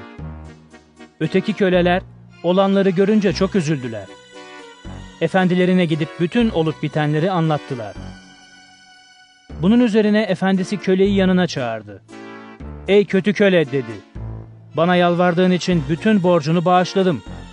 Benim sana acıdığım gibi senin de köle arkadaşına acıman gerekmez miydi? Bu öfkeyle efendisi bütün borcunu ödeyinceye dek onu işkencecilere teslim etti. Eğer her biriniz kardeşini gönülden bağışlamazsa Göksel babam da size öyle davranacaktır. Matta 19. Bölüm İsa konuşmasını bitirdikten sonra Celile'den ayrılıp Yahudiye'nin Şeria ırmağının karşı yakasındaki topraklarına geçti. Büyük halk toplulukları da onun ardından gitti. Hasta olanları orada iyileştirdi. İsa'nın yanına gelen bazı ferisiler onu denemek amacıyla şunu sordular. Bir adamın herhangi bir nedenle karısını boşaması kutsal yasaya uygun mudur? İsa şu karşılığı verdi. Kutsal yazıları okumadınız mı? Yaradan başlangıçtan insanları erkek ve dişi olarak yarattı ve şöyle dedi. Bu nedenle adam annesini babasını bırakıp karısına bağlanacak. İkisi tek beden olacak. Şöyle ki onlar artık iki değil tek bedendir. O halde Tanrı'nın birleştirdiğini insan ayırmasın. Ferisiler İsa'ya Öyleyse dediler. Musa neden erkeğin boşanma belgesi verip karısını boşayabileceğini söyledi? İsa onlara İnatçı olduğunuz için Musa karılarınızı boşamanıza izin verdi. dedi. Başlangıçta bu böyle değildi.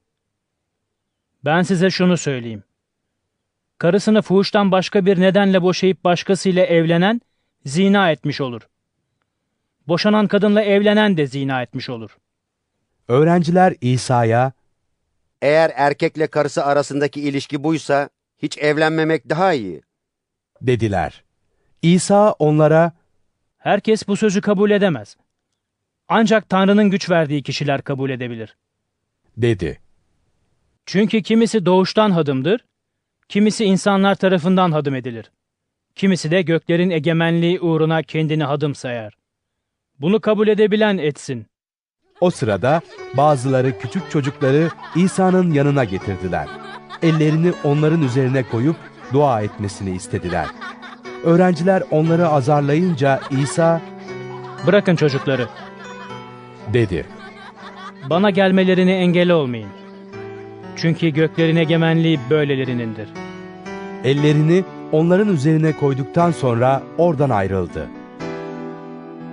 Adamın biri İsa'ya gelip Öğretmenim, sonsuz yaşama kavuşmak için nasıl bir iyilik yapmalıyım? Diye sordu. İsa Bana neden iyilik hakkında soru soruyorsun? dedi. İyi olan yalnız biri var. Yaşama kavuşmak istiyorsan onun buyruklarını yerine getir. Hangi buyrukları? diye sordu adam. İsa şu karşılığı verdi. Adam öldürmeyeceksin. Zina etmeyeceksin. Çalmayacaksın. Yalan yere tanıklık etmeyeceksin. Annene babana saygı göstereceksin. Ve komşunu kendin gibi seveceksin. Genç adam Bunların hepsini yerine getirdim. dedi. Daha ne eksiğim var? İsa ona Eğer eksiksiz olmak istiyorsan git varını yoğunu sat, parasını yoksullara ver. Böylece göklerde hazinen olur. Sonra gel, beni izle. dedi. Genç adam bu sözleri işitince üzüntü içinde oradan uzaklaştı. Çünkü çok malı vardı. İsa öğrencilerine Size doğrusunu söyleyeyim. dedi. Zengin kişi göklerin egemenliğine zor girecek. Yine şunu söyleyeyim ki, devenin iğne deliğinden geçmesi, zenginin tanrı egemenliğine girmesinden daha kolaydır. Bunu işiten öğrenciler büsbütün şaşırdılar. Öyleyse kim kurtulabilir? diye sordular. İsa onlara bakarak, İnsanlar için bu imkansız. Ama Tanrı için her şey mümkündür. dedi. Bunun üzerine Petrus ona, Bak, dedi. biz her şeyi bırakıp senin ardından geldik. Kazancımız ne olacak? İsa onlara, Size doğrusunu söyleyeyim. dedi. Her şey yenilendiğinde, insanoğlu görkemli tahtına oturduğunda, siz, evet ardımdan gelen sizler, 12 tahta oturup İsrail'in 12 oymağını yargılayacaksınız. Benim adım uğruna evlerini, kardeşlerini, anne ya da babasını, çocuklarını ya da topraklarını bırakan herkes, bunların yüz katını elde edecek ve sonsuz yaşamı miras alacak. Ne var ki, birincilerin birçoğu sonuncu, sonuncuların birçoğu da birinci olacak. Matta 20. Bölüm Göklerin egemenliği, sabah erkenden bağında çalışacak işçi aramaya çıkan toprak sahibine benzer. Adam, işçilerle günlüğü bir dinara anlaşıp onları bağına gönderdi. Saat 9'a doğru tekrar dışarı çıktı. Çarşı meydanında boş duran başka adamlar gördü. Onlara, siz de bağa gidip çalışın. Hakkınız neyse veririm, dedi. Onlar da bağa gittiler. Öğleyin ve saat 3'e doğru yine çıkıp aynı şeyi yaptı. Saat 5'e doğru çıkınca orada duran başka işçiler gördü. Onlara neden bütün gün burada boş duruyorsunuz diye sordu. Kimse bize iş vermedi ki dediler. Onlara siz de bağa gidin çalışın dedi. Akşam olunca bağın sahibi kahyasına işçileri çağır dedi. Sonuncudan başlayarak ilkine kadar hepsine ücretlerini ver. Saat 5'e doğru işe başlayanlar gelip kahyadan birer dinar aldılar. İlk başlayanlar gelince daha çok alacaklarını sandılar ama onlara da birer dinar verildi. Paralarını alınca bağ sahibine söylenmeye başladılar. En son çalışanlar yalnız bir saat çalıştı, dediler. Ama onları günün yükünü ve sıcağını çeken bizlerle bir tuttun. Bağ sahibi onlardan birine şöyle karşılık verdi. Arkadaş, sana haksızlık etmiyorum ki. Seninle bir dinar anlaşmadık mı? Hakkını al git. Sana verdiğimi sonuncuya da vermek istiyorum. Kendi paramla istediğimi yapmaya hakkım yok mu? Yoksa cömertliğimi kıskanıyor musun? İşte böylece sonuncular birinci, birinciler de sonuncu olacak.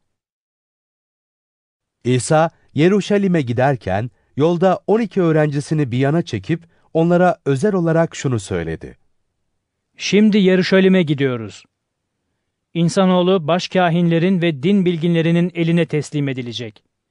Onlar da onu ölüm cezasına çarptıracaklar. Onunla alay etmeleri, kamçılayıp çarmıha germeleri için onu öteki uluslara teslim edecekler. Ne var ki o, üçüncü gün dirilecek. O sırada Zebedi oğullarının annesi oğullarıyla birlikte İsa'ya yaklaştı. Önünde yere kapanarak kendisinden bir dileği olduğunu söyledi. İsa kadına, ''Ne istiyorsun?'' diye sordu. Kadın, Buyruk ver senin egemenliğinde bu iki oğlumdan biri sağında biri solunda otursun. dedi. ''Siz ne dilediğinizi bilmiyorsunuz.'' diye karşılık verdi İsa. ''Benim içeceğim kaseden siz içebilir misiniz?'' Evet, içebiliriz. Dediler. İsa onlara, ''Elbette benim kasemden içeceksiniz.'' Dedi. Ama sağımda ya da solumda oturmanıza izin vermek benim elimde değil. Babam bu yerleri belirli kişiler için hazırlamıştır. Bunu işiten on öğrenci iki kardeşe kızdılar. Ama İsa onları yanına çağırıp şöyle dedi. Bilirseniz ki ulusların önderleri onlara egemen kesilir, ileri gelenleri de ağırlıklarını hissettirirler. Sizin aranızda böyle olmayacak. Aranızda büyük olmak isteyen ötekilerin hizmetkarı olsun. Aranızda birinci olmak isteyen ötekilerin kulu olsun. Nitekim insanoğlu hizmet edilmeye değil, hizmet etmeye ve canını birçokları için fidye olarak vermeye geldi. Eliha'dan ayrılırlarken büyük bir kalabalık İsa'nın ardından gitti. Yol kenarında oturan iki kör İsa'nın oradan geçmekte olduğunu duyunca Ya Rab, ey Davutoğlu, halimize acı. diye bağırdı.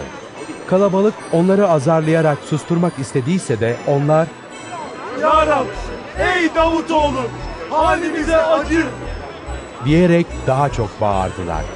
İsa durup onları çağırdı Sizin için ne yapmamı istiyorsunuz? diye sordu. Onlar da Ya Rab, gözlerimiz açılsın. dediler. İsa onlara acıdı, gözlerine dokundu. O anda yeniden görmeye başladılar ve onun ardından gittiler. Matta 21. Bölüm Yeruşalim'e yaklaşıp Zeytin Dağı'nın yamacındaki Beytfaci köyüne geldiklerinde İsa iki öğrencisini önden gönderdi. Onlara Karşınızdaki köye gidin. dedi. Hemen orada bağlı bir dişi eşek ve yanında bir sıpa bulacaksınız. Onları çözüp bana getirin. Size bir şey diyen olursa, Rabbin bunlara ihtiyacı var. Hemen geri gönderecek dersiniz. Bu olay peygamber aracılığıyla bildirilen şu söz yerine gelsin diye oldu. Siyon kızına deyin ki, işte alçak gönüllü kralın eşeğe, evet sıfaya, eşek yavrusuna binmiş sana geliyor. Öğrenciler gidip İsa'nın kendilerine buyurduğu gibi yaptılar. Eşekle sıpayı getirip üzerlerine giysilerini yaydılar, İsa sıpaya bindi. Halkın büyük bir bölümü giysilerini yolun üzerine serdi. Bazıları da ağaçlardan dal kesip yola seriyordu. Önden giden ve arkadan gelen kalabalıklar şöyle bağırıyorlardı. Davutoğluna hozana. Rabbin adıyla gelene övgüler olsun. En yücelerde hozana. İsa Yeruşalim'e girdiği zaman bütün kent Bu kimdir? diyerek çalkandı. Kalabalıklar Bu Celili'nin Nasıra kentinden peygamber İsa'dır. diyordu. İsa tapınağın avlusuna girerek oradaki bütün alıcı ve satıcıları dışarı kovdu. Para bozanların masalarını, güvercin satanların sehpalarını devirdi. Onlara şöyle dedi. Evime dua evi denecek diye yazılmıştır. Ama siz onu haydut iline çevirdiniz. İsa tapınaktayken kendisine gelen kör ve kötürümleri iyileştirdi. Ne var ki baş kahinlerle din bilginleri onun yarattığı harikaları ve tapınakta Davutoğlu'na hozanna. diye bağıran çocukları görünce öfkelendiler. İsa'ya Bunların ne söylediğini duyuyor musun? diye sordular. Duyuyorum. Dedi İsa. Siz şu sözü hiç okumadınız mı? Küçük çocukların ve emzikliklerin dudaklarından kendine övgüler döktürdün. İsa onları bırakıp kentten çıktı. Beytanya'ya dönüp geceyi orada geçirdi. İsa sabah erkenden kente dönerken acıkmıştı. Yol kenarında gördüğü bir incir ağacına yaklaştı. Ağaçta yapraktan başka bir şey bulamayınca ağaca Artık sonsuza dek sende meyve yetişmesin. dedi. İncir ağacı o anda kurudu. Öğrenciler bunu görünce şaşkına döndüler. İncir ağacı birdenbire nasıl kurudu? diye sordular. İsa onlara şu karşılığı verdi. Size doğrusunu söyleyeyim. Eğer imanınız olur da kuşku duymazsanız, yalnız incir ağacına olanı yapmakla kalmazsınız. Şu da kalk denize atıl derseniz, dediğiniz olacaktır. İmanla dua ederseniz, dilediğiniz her şeyi alırsınız. İsa tapınağa girmiş öğretiyordu. Bu sırada baş kahinler ve halkın ileri gelenleri onun yanına gelerek Bunları hangi yetkiyle yapıyorsun? Bu yetkiyi sana kim verdi? diye sordular. İsa onlara şu karşılığı verdi. Ben de size bir soru soracağım. Bana yanıt verirseniz, ben de size bunları hangi yetkiyle yaptığımı söylerim. Yahya'nın vaftiz etme yetkisi nereden geldi? Tanrı'dan mı, insanlardan mı? Bunu aralarında şöyle tartışmaya başladılar. Tanrı'dan dersek bize öyleyse ona niçin inanmadınız diyecek. Yok eğer insanlardan dersek halkın tepkisinden korkuyoruz. Çünkü herkes Yahya'yı peygamber sayıyor. İsa'ya Bilmiyoruz. diye yanıt verdiler. İsa Ben de size bunları hangi yetkiyle yaptığımı söylemeyeceğim. dedi. Ama şuna ne dersiniz? Bir adamın iki oğlu vardı. Adam birincisine gidip, oğlum git bugün bağda çalış dedi. Oğlu gitmem dedi. Ama sonra pişman olup gitti. Adam ikinci oğluna gidip aynı şeyi söyledi. O, olur efendim dedi ama gitmedi. İkisinden hangisi babasının isteğini yerine getirmiş oldu? Birincisi. diye karşılık verdiler. İsa da onlara Size doğrusunu söyleyeyim. Vergi görevlileriyle fahişeler Tanrı'nın egemenliğine sizden önce giriyorlar. dedi. Yahya size doğruluk yolunu göstermeye geldi, ona inanmadınız. Oysa vergi görevlileriyle fahişeler ona inandılar. Siz bunu gördükten sonra bile pişman olup ona inanmadınız. Bir benzetme daha dinleyin. Toprak sahibi bir adam bağ dikti, çevresini çitle çevirdi, üzüm sıkma çukuru kazdı, bir de bekçi kulesi yaptı. Sonra bağı bağcılara kiralayıp yolculuğa çıktı. Bağ bozumu yaklaşınca üründen kendisine düşeni almaları için kölelerini bağcılara yolladı. Bağcılar adamın kölelerini yakaladı, birini dövdü, birini öldürdü, ötekini de taşladı. Bağ sahibi bu kez ilkinden daha çok sayıda köle yolladı. Bağcılar bunlara da aynı şeyi yaptılar. Sonunda bağ sahibi, oğlumu sayarlar diyerek bağcılara onu yolladı. Ama bağcılar adamın oğlunu görünce birbirlerine, mirasçı bu, gelin onu öldürüp mirasına konalım dediler.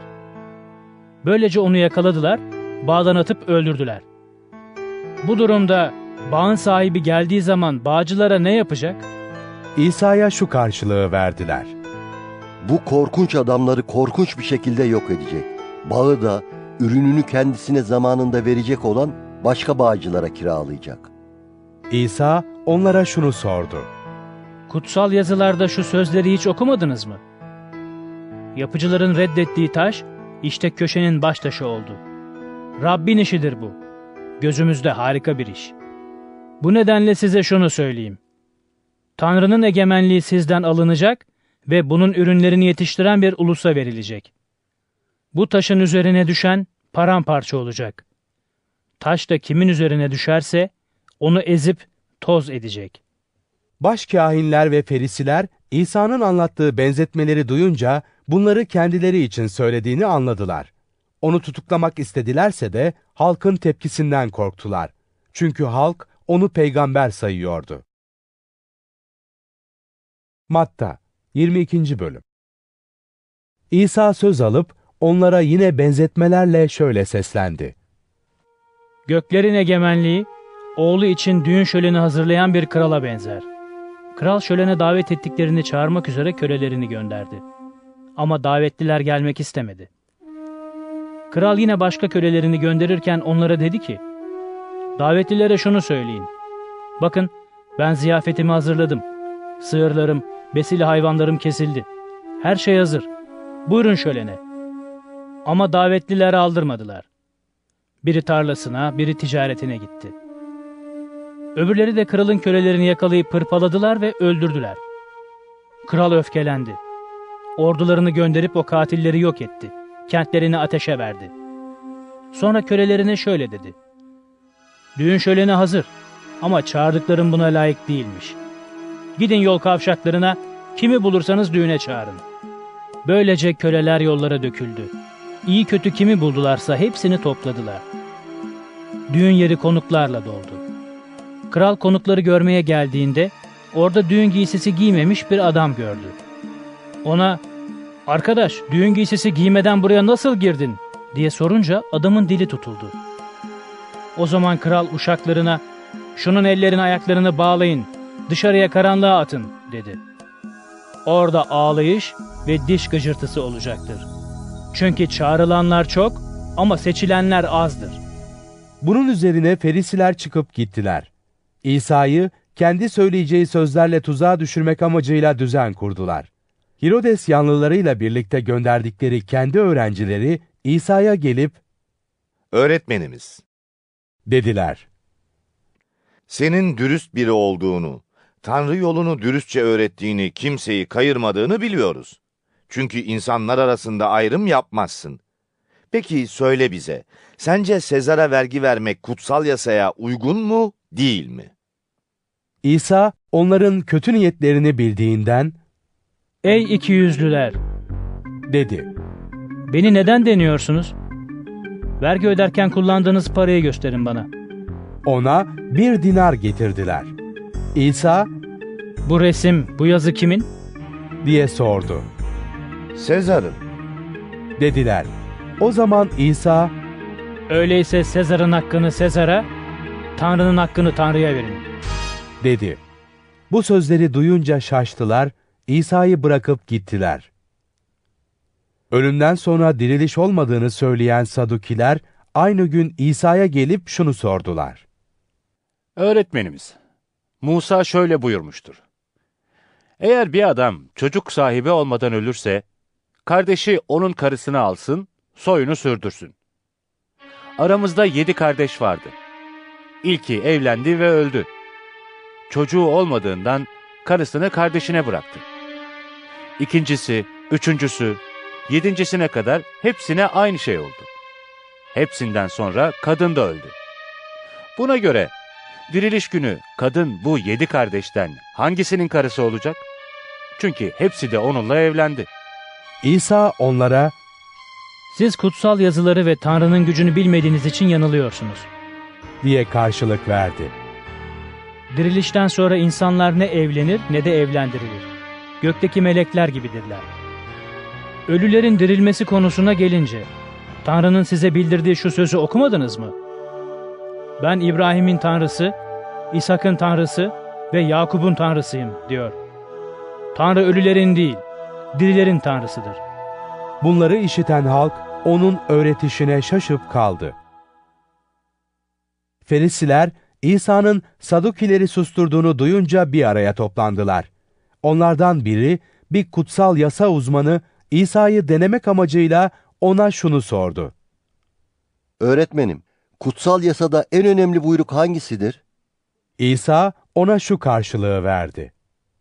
Tanrın Rabbi bütün yüreğinle, bütün canınla ve bütün aklınla seveceksin. İşte ilk ve en önemli buyruk budur.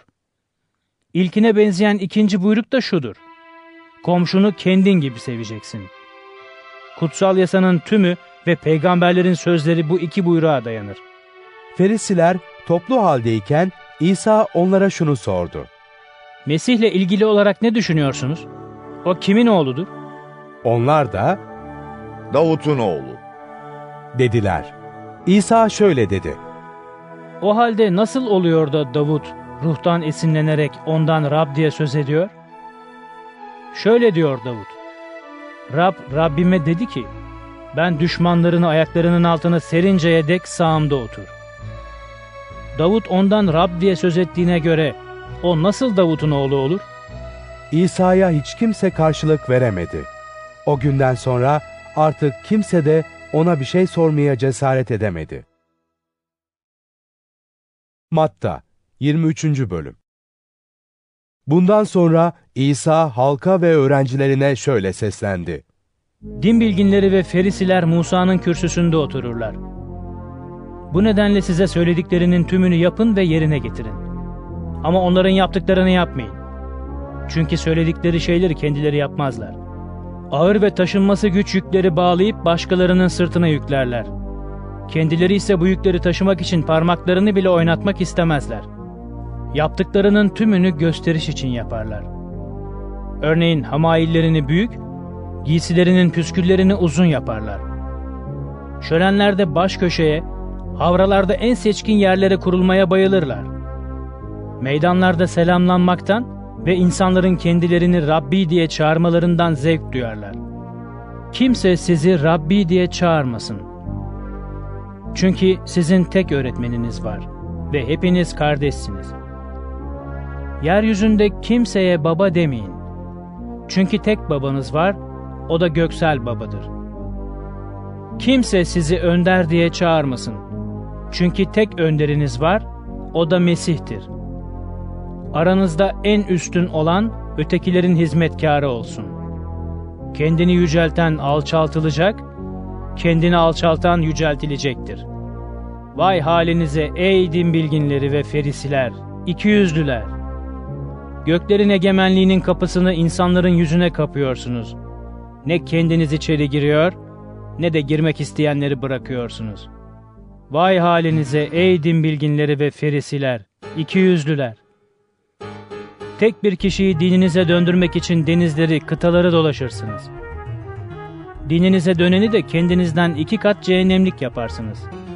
Vay halinize kör kılavuzlar! Diyorsunuz ki, tapınak üzerine ant andı sayılmaz. Ama tapınaktaki altın üzerine ant andını yerine getirmek zorundadır. Budalalar, körler. Hangisi daha önemli? Altın mı? Altını kutsal kılan tapınak mı? Yine diyorsunuz ki, sunak üzerine ant andı sayılmaz. Ama sunaktaki adağın üzerine ant andını yerine getirmek zorundadır. Ey körler! Hangisi daha önemli? Adak mı? Adağı kutsal kılan sunak mı? Öyleyse sunak üzerine ant içen, hem sunağın hem de sunaktaki her şeyin üzerine ant içmiş olur. Tapınak üzerine ant içen de hem tapınak hem de tapınakta yaşayan Tanrı üzerine ant içmiş olur. Gök üzerine ant içen, Tanrı'nın tahtı ve tahtta oturanın üzerine ant içmiş olur. Vay halinize ey din bilginleri ve ferisiler, ikiyüzlüler! Siz nanenin, dereotunun ve kimyonun ondalığını verirsiniz de, kutsal yasanın daha önemli konularını, adaleti, merhameti, sadakati ihmal edersiniz. Ondalık vermeyi ihmal etmeden asıl bunları yerine getirmeniz gerekirdi. Ey kör kılavuzlar! Küçük sineği süzer ayırır ama deveyi yutarsınız. Vay halinize ey din bilginleri ve ferisiler! İkiyüzlüler! Bardağın ve çanağın dışını temizlersiniz. Oysa bunların içi açgözlülük ve taşkınlıkla doludur. Ey kör ferisi! Sen önce bardağın ve çanağın içini temizle ki dıştan da temiz olsunlar. Vay halinize ey din bilginleri ve ferisiler, ikiyüzlüler! Siz dıştan güzel görünen ama içi ölü kemikleri ve her türlü pislikle dolu badanalı mezarlara benzersiniz. Dıştan insanlara doğru görünürsünüz ama içte ikiyüzlülük ve kötülükle dolusunuz. Vay halinize ey din bilginleri ve ferisiler, ikiyüzlüler! Peygamberlerin mezarlarını yapar, doğru kişilerin anıtlarını donatırsınız. Atalarımızın yaşadığı günlerde yaşasaydık, onlarla birlikte peygamberlerin kanına girmezdik diyorsunuz. Böylece peygamberleri öldürenlerin torunları olduğunuza kendiniz tanıklık ediyorsunuz. Haydi atalarınızın başlattığı işi bitirin. Sizi yılanlar, engerekler soyu. Cehennem cezasından nasıl kaçacaksınız? İşte bunun için size peygamberler, bilge kişiler ve din bilginleri gönderiyorum. Bunlardan kimini öldürecek, çarmıha gereceksiniz. Kimini havralarınızda kamçılayacak, kentten kente kovalayacaksınız. Böylelikle doğru kişi olan Habil'in kanından tapınakla sunak arasında öldürdüğünüz Berekya oğlu Zekeriya'nın kanına kadar yeryüzünde akıtılan her doğru kişinin kanından sorumlu tutulacaksınız. Size doğrusunu söyleyeyim. Bunların hepsinden bu kuşak sorumlu tutulacaktır. Ey Yeruşalim! Peygamberleri öldüren, kendisine gönderilenleri taşlayan Yeruşalim! Tavuğun civcivlerini kanatları altına topladığı gibi ben de kaç kez senin çocuklarını toplamak istedim. Ama siz istemediniz. Bakın, eviniz ıssız bırakılacak. Size şunu söyleyeyim. Rabbin adıyla gelene övgüler olsun diyeceğiniz zamana dek beni bir daha görmeyeceksiniz. Matta 24. Bölüm İsa tapınaktan çıkıp giderken öğrencileri tapınağın binalarını ona göstermek için yanına geldiler. İsa onlara, Bütün bunları görüyor musunuz? dedi. Size doğrusunu söyleyeyim. Burada taş üstünde taş kalmayacak. Hepsi yıkılacak. İsa, Zeytin Dağı'nda otururken öğrencileri yalnız olarak yanına geldiler. Söyle bize, Dediler. bu dediklerin ne zaman olacak? Senin gelişini ve çağın bitimini gösteren belirti ne olacak? İsa onlara şu karşılığı verdi. Sakın kimse sizi saptırmasın. Birçokları Mesih benim diyerek benim adımla gelip birçok kişiyi aldatacaklar. Savaş gürültüleri, savaş haberleri duyacaksınız. Sakın korkmayın. Bunların olması gerek. Ama bu daha son demek değildir. Ulus ulusa, devlet devlete savaş açacak. Yer yer kıtlıklar, depremler olacak. Bütün bunlar doğum sancılarının başlangıcıdır. O zaman sizi sıkıntıya sokacak, öldürecekler. Benim adımdan ötürü bütün uluslar sizden nefret edecek. O zaman birçok kişi imandan sapacak, birbirlerini ele verecek ve birbirlerinden nefret edecekler. Birçok sahte peygamber türeyecek ve bunlar birçok kişiyi saptıracak. Kötülüklerin çoğalmasından ötürü birçoklarının sevgisi soğuyacak. Ama sonuna kadar dayanan kurtulacaktır. Göksel egemenliğin bu müjdesi bütün uluslara tanıklık olmak üzere dünyanın her yerinde duyurulacak. İşte o zaman son gelecektir. Peygamber Daniel'in sözünü ettiği yıkıcı iğrenç şeyin kutsal yerde dikildiğini gördüğünüz zaman okuyan anlasın, Yahudiye'de bulunanlar dağlara kaçsın. Damda olan evindeki eşyalarını almak için aşağı inmesin. Tarlada olan abasını almak için geri dönmesin.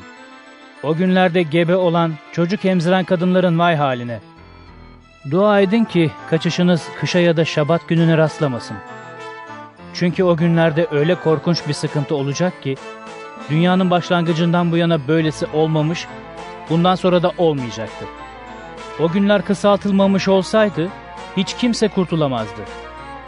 Ama seçilmiş olanlar uğruna o günler kısaltılacak. Eğer o zaman biri size, işte Mesih burada ya da işte şurada derse inanmayın. Çünkü sahte mesihler, sahte peygamberler türeyecek. Bunlar büyük belirtiler ve harikalar yapacaklar. Öyle ki ellerinden gelse seçilmiş olanları bile saptıracaklar. İşte size önceden söylüyorum. Bunun için size işte Mesih çölde derlerse gitmeyin. Bakın iç odalarda derlerse inanmayın. Çünkü insanoğlunun gelişi doğuda çakıp batıya kadar her taraftan görülen şimşek gibi olacaktır. Leş neredeyse akbabalar oraya üşüşecek. O günlerin sıkıntısından hemen sonra güneş kararacak, ay ışık vermez olacak, yıldızlar gökten düşecek, göksel güçler sarsılacak. O zaman insanoğlunun belirtisi gökte görünecek. Yeryüzündeki bütün halklar ağlayıp dövünecek, insanoğlunun gökteki bulutlar üzerinde büyük güç ve görkemle geldiğini görecekler. Kendisi güçlü bir borazan sesiyle meleklerini gönderecek. Melekler onun seçtiklerini göğün bir ucundan öbür ucuna dek dünyanın dört bucağından toplayacaklar. İncir ağacından ders alın. Dalları filizlenip yaprakları sürünce yaz mevsiminin yakın olduğunu anlarsınız. Aynı şekilde bütün bunların gerçekleştiğini gördüğünüzde bilin ki insanoğlu yakındır, kapıdadır. Size doğrusunu söyleyeyim. Bütün bunlar olmadan bu kuşak ortadan kalkmayacak. Yer ve gök ortadan kalkacak ama benim sözlerim asla ortadan kalkmayacaktır. O günü ve saati ne gökteki melekler ne de oğul bilir. Babadan başka kimse bilmez. Nuh'un günlerinde nasıl olduysa insanoğlunun gelişinde de öyle olacak.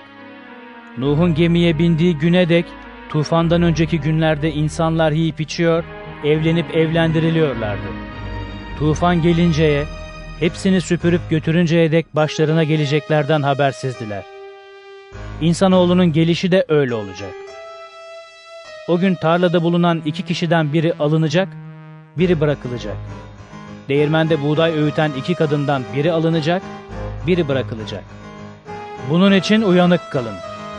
Çünkü Rabbinizin geleceği günü bilemezsiniz.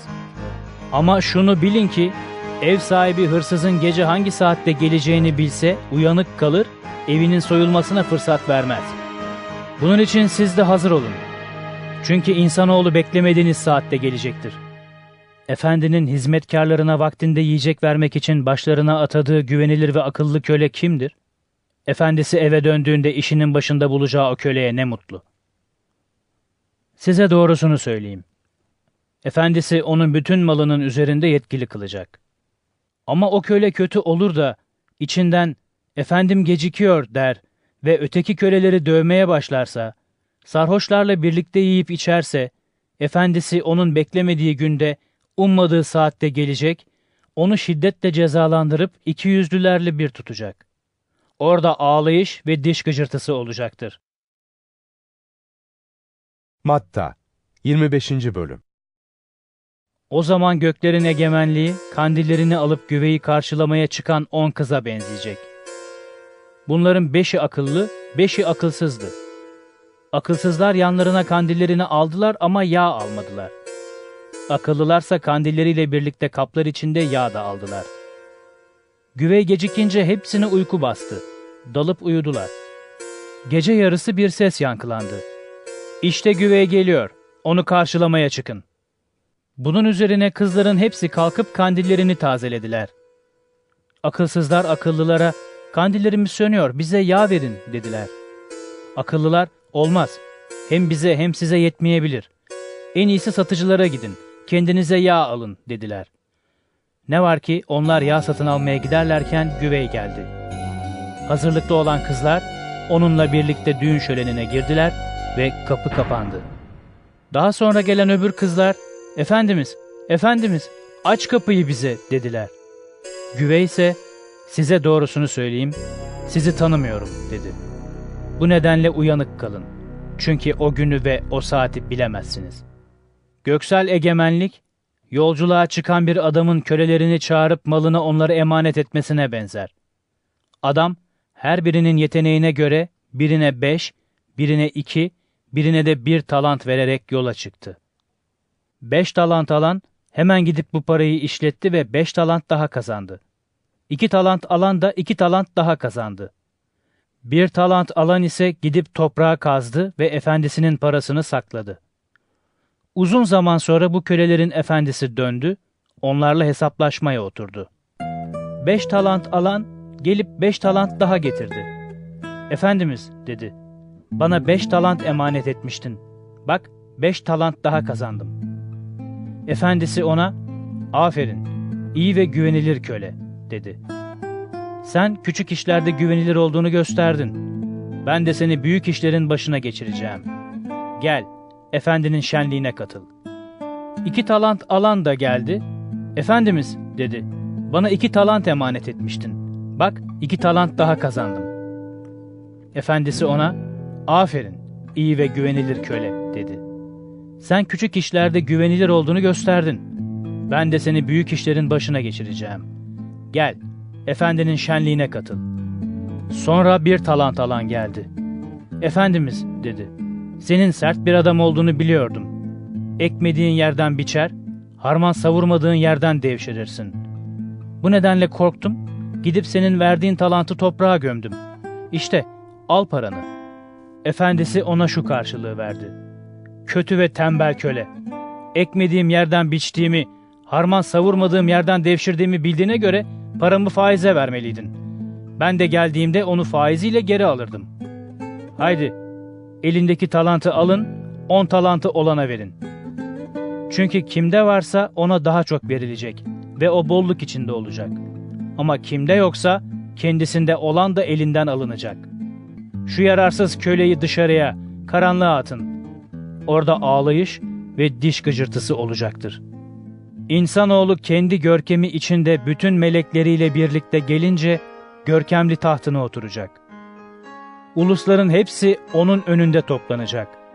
O da koyunları keçilerden ayıran bir çoban gibi insanları birbirinden ayıracak. Koyunları sağına, keçileri soluna alacak. O zaman kral sağındaki kişilere sizler babamın kutsadıkları gelin diyecek. Dünya kurulduğundan beri sizin için hazırlanmış olan egemenliği miras alın. Çünkü acıkmıştım. Bana yiyecek verdiniz. Susamıştım. bana içecek verdiniz. Yabancıydım, beni içeri aldınız. Çıplaktım, beni giydirdiniz. Hastaydım, benimle ilgilendiniz. Zindandaydım, yanıma geldiniz. O vakit doğru kişiler ona şu karşılığı verecek. Ya Rab, seni ne zaman aç görüp doyurduk? Susuz görüp su verdik? Ne zaman seni yabancı görüp içeri aldık? Ya da çıplak görüp giydirdik? Seni ne zaman hasta ya da zindanda görüp yanına geldik? Kral da onları şöyle yanıtlayacak. Size doğrusunu söyleyeyim. Bu en basit kardeşlerimden biri için yaptığınızı benim için yapmış oldunuz.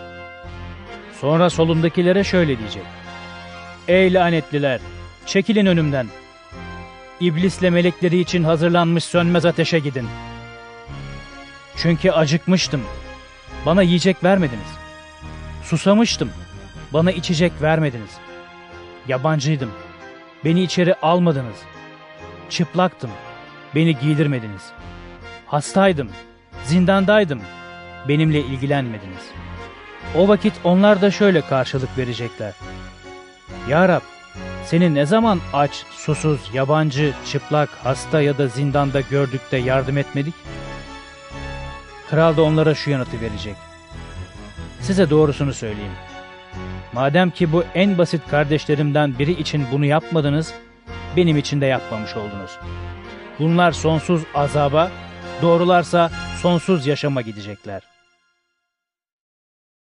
Matta 26. Bölüm İsa bütün bunları anlattıktan sonra öğrencilerine İki gün sonra Fısıh Bayramı olduğunu biliyorsunuz. dedi. İnsanoğlu çarmıha gerilmek üzere ele verilecek. Bu sırada başkâhinlerle halkın ileri gelenleri Kayafa adındaki başkâhinin sarayında toplandılar. İsa'yı hileyle tutuklayıp öldürmek için düzen kurdular. Ama Bayramda olmasın ki halk arasında kargaşalık çıkmasın. diyorlardı. İsa Beytanya'da cüzdanlı Simon'un evindeyken yanına bir kadın geldi. Kadın kaymak taşından bir kap içinde çok değerli, güzel kokulu yağ getirmişti. İsa sofrada otururken kadın yağı onun başına döktü. Öğrenciler bunu görünce kızdılar. Nedir bu savurganlık? Dediler. Bu yağ pahalıya satılabilir, parası yoksullara verilebilirdi. Söylenenleri fark eden İsa öğrencilerine Kadını neden üzüyorsunuz? dedi. Benim için güzel bir şey yaptı. Yoksullar her zaman aranızdadır ama ben her zaman aranızda olmayacağım. Kadın bu güzel kokulu yağı beni gömülmeye hazırlamak için bedenimin üzerine boşalttı. Size doğrusunu söyleyeyim. Bu müjde dünyanın neresinde duyulursa bu kadının yaptığı da onun anılması için anlatılacak. O sırada 12'lerden biri, adı Yahuda İskaryot olanı, başkâhinlere giderek Onu ele verirsem bana ne verirsiniz? dedi. 30 gümüş tartıp ona verdiler. Yahuda o andan itibaren İsa'yı ele vermek için fırsat kollamaya başladı. Mayasız Ekmek Bayramı'nın ilk günü öğrenciler İsa'nın yanına gelerek Fısıh yemeğini yemen için nerede hazırlık yapmamızı istersin? diye sordular. İsa onlara Kente varıp o adamın evine gidin. dedi. Ona şöyle deyin. Öğretmen diyor ki zamanım yaklaştı. Fısıh bayramını öğrencilerimle birlikte senin evinde kutlayacağım. Öğrenciler İsa'nın buyruğunu yerine getirerek fısıh yemeği için hazırlık yaptılar. Akşam olunca İsa 12 öğrencisiyle yemeğe oturdu. Yemek yerlerken Size doğrusunu söyleyeyim. Sizden biri bana ihanet edecek. dedi. Bu söz onları kedere boğdu. Teker teker Ya Rab, beni demek istemedin ya. diye sormaya başladılar. O da Bana ihanet edecek olan dedi. elindeki ekmeği benimle birlikte sahana batırandır. İnsanoğlu kendisi için yazılmış olduğu gibi gidiyor. Ama insanoğluna ihanet edenin vay haline. O adam hiç doğmamış olsaydı kendisi için daha iyi olurdu. Ona ihanet edecek olan Yahuda Rabbi, yoksa beni mi demek istedin? diye sordu. İsa ona Söylediğin gibidir. karşılığını verdi. Yemek sırasında İsa eline ekmek aldı, şükredip ekmeği böldü ve öğrencilerine verdi. Alın, yiyin. Dedi. Bu benim bedenimdir. Sonra bir kase alıp şükretti ve bunu öğrencilerine vererek Hepiniz bundan için. dedi. Çünkü bu benim kanımdır. Günahların bağışlanması için birçokları uğruna akıtılan antlaşma kanıdır. Size şunu söyleyeyim. Babamın egemenliğinde sizinle birlikte yenisini içeceğim o güne dek, asmanın bu ürününden bir daha içmeyeceğim. İlahi söyledikten sonra dışarı çıkıp Zeytin Dağı'na doğru gittiler. Bu arada İsa öğrencilerine, Bu gece hepiniz benden ötürü sendeleyip düşeceksiniz. dedi. Çünkü şöyle yazılmıştır. Çobanı vuracağım, sürüdeki koyunlar darmadağın olacak. Ama ben dirildikten sonra sizden önce Celile'ye gideceğim. Petrus ona, Herkes senden ötürü sendeleyip düşse de ben asla düşmem. dedi. Sana doğrusunu söyleyeyim. Dedi İsa. Bu gece horoz ötmeden beni üç kez inkar edeceksin. Petrus, Seninle birlikte ölmem gerekse bile seni asla inkar etmem. dedi. Öğrencilerin hepsi de aynı şeyi söyledi. Sonra İsa öğrencileriyle birlikte Getsemani denen yere geldi. Öğrencilerine Ben şuraya gidip dua edeceğim. Siz burada oturun. dedi. Petrus ile Zebedi'nin iki oğlunu yanına aldı. Kederlenmeye, ağır bir sıkıntı duymaya başlamıştı. Onlara Ölesiye kederliyim. dedi. Burada kalın. Benimle birlikte uyanık durun. Biraz ilerledi, yüzüstü yere kapanıp dua etmeye başladı. Baba, Dedi. mümkünse bu kase benden uzaklaştırılsın. Yine de benim değil, senin istediğin olsun. Öğrencilerin yanına döndüğünde onları uyumuş buldu. Petrus'a Demek ki benimle birlikte bir saat uyanık kalamadınız. dedi. Uyanık durup dua edin ki ayartılmayasınız. Ruh isteklidir ama beden güçsüzdür. İsa ikinci kez uzaklaşıp dua etti. Baba, Dedi. eğer ben içmeden bu kasenin uzaklaştırılması mümkün değilse, senin istediğin olsun. Geri geldiğinde öğrencilerini yine uyumuş buldu. Onların göz kapaklarına ağırlık çökmüştü. Onları bırakıp tekrar uzaklaştı, yine aynı sözlerle üçüncü kez dua etti. Sonra öğrencilerin yanına dönerek Hala uyuyor, dinleniyor musunuz? dedi. İşte, saat yaklaştı. İnsanoğlu günahkarların eline veriliyor. Kalkın, gidelim. İşte bana ihanet eden geldi. İsa daha konuşurken 12'lerden biri olan Yahuda geldi. Yanında başkahinlerle halkın ileri gelenleri tarafından gönderilmiş kılıçlı sopalı büyük bir kalabalık vardı. İsa'ya ihanet eden Yahuda Kimi öpersem İsa odur. Onu tutuklayın. diye onlarla sözleşmişti. Dosdoğru İsa'ya gidip Selam Rabbi. diyerek onu öptü.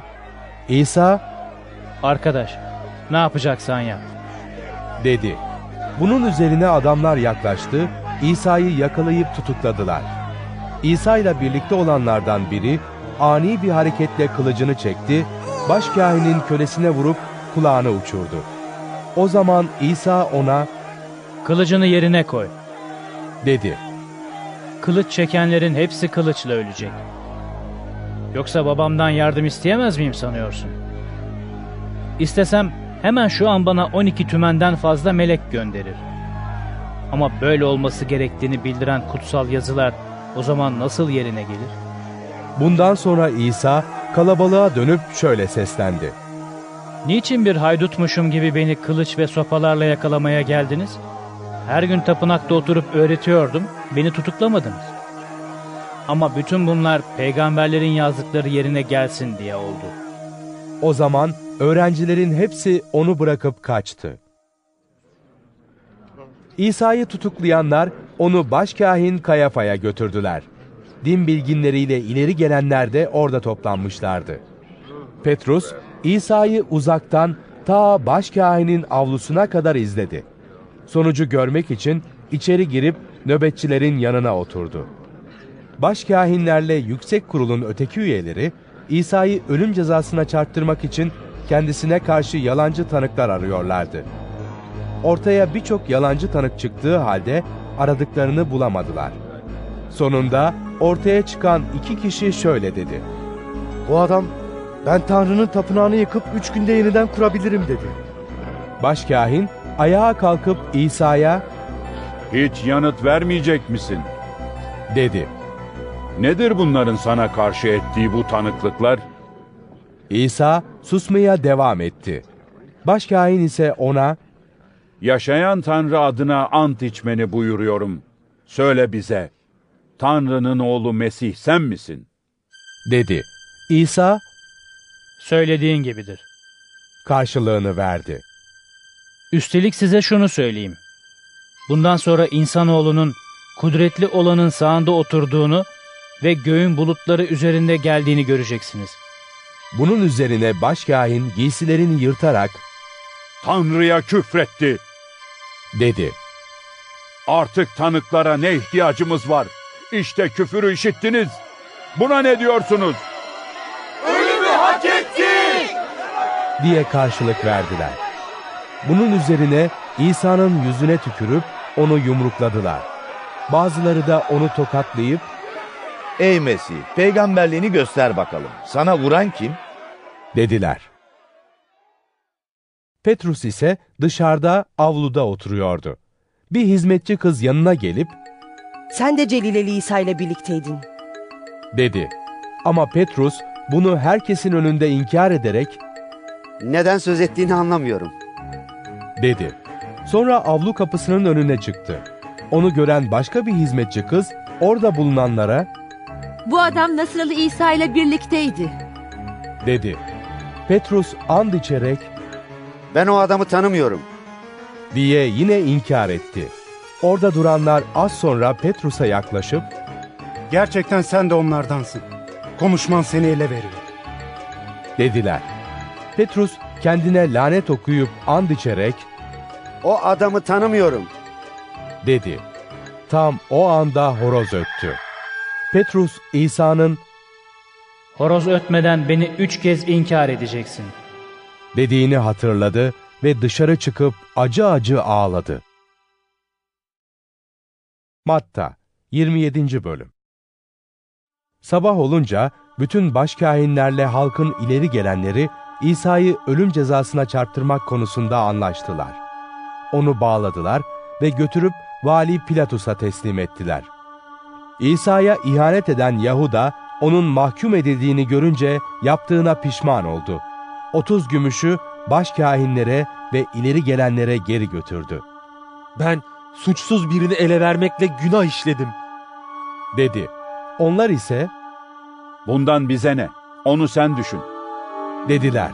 Yahuda paraları tapınağın içine fırlatarak oradan ayrıldı, gidip kendini astı.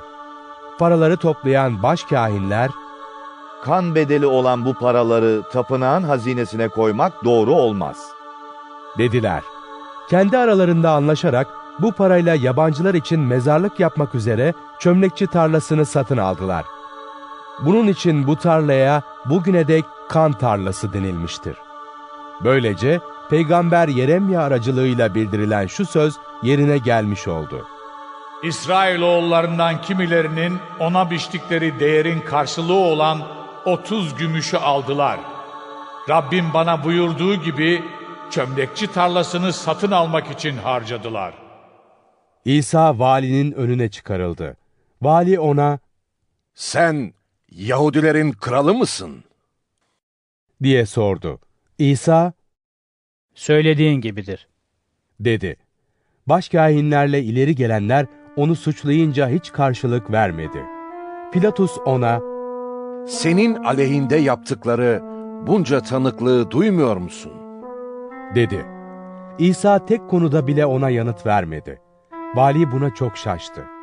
Her fısıh bayramında vali, halkın istediği bir tutukluyu salı vermeyi adet edinmişti. O günlerde Barabba adında ünlü bir tutuklu vardı. Halk bir araya toplandığında Pilatus onlara Sizin için kimi salı vermemi istersiniz? Barabba'yı mı, Mesih denen İsa'yı mı? diye sordu. İsa'yı kıskançlıktan ötürü kendisine teslim ettiklerini biliyordu. Pilatus yargı kürsüsünde otururken karısı ona O doğru adama dokunma. Dün gece rüyamda onun yüzünden çok sıkıntı çektim. diye haber gönderdi. Başkahinler ve ileri gelenler ise Barabba'nın salı verilmesini ve İsa'nın öldürülmesini istesinler diye halkı kışkırttılar. Vali onlara şunu sordu. Sizin için hangisini salı vermemi istersiniz? Dediler.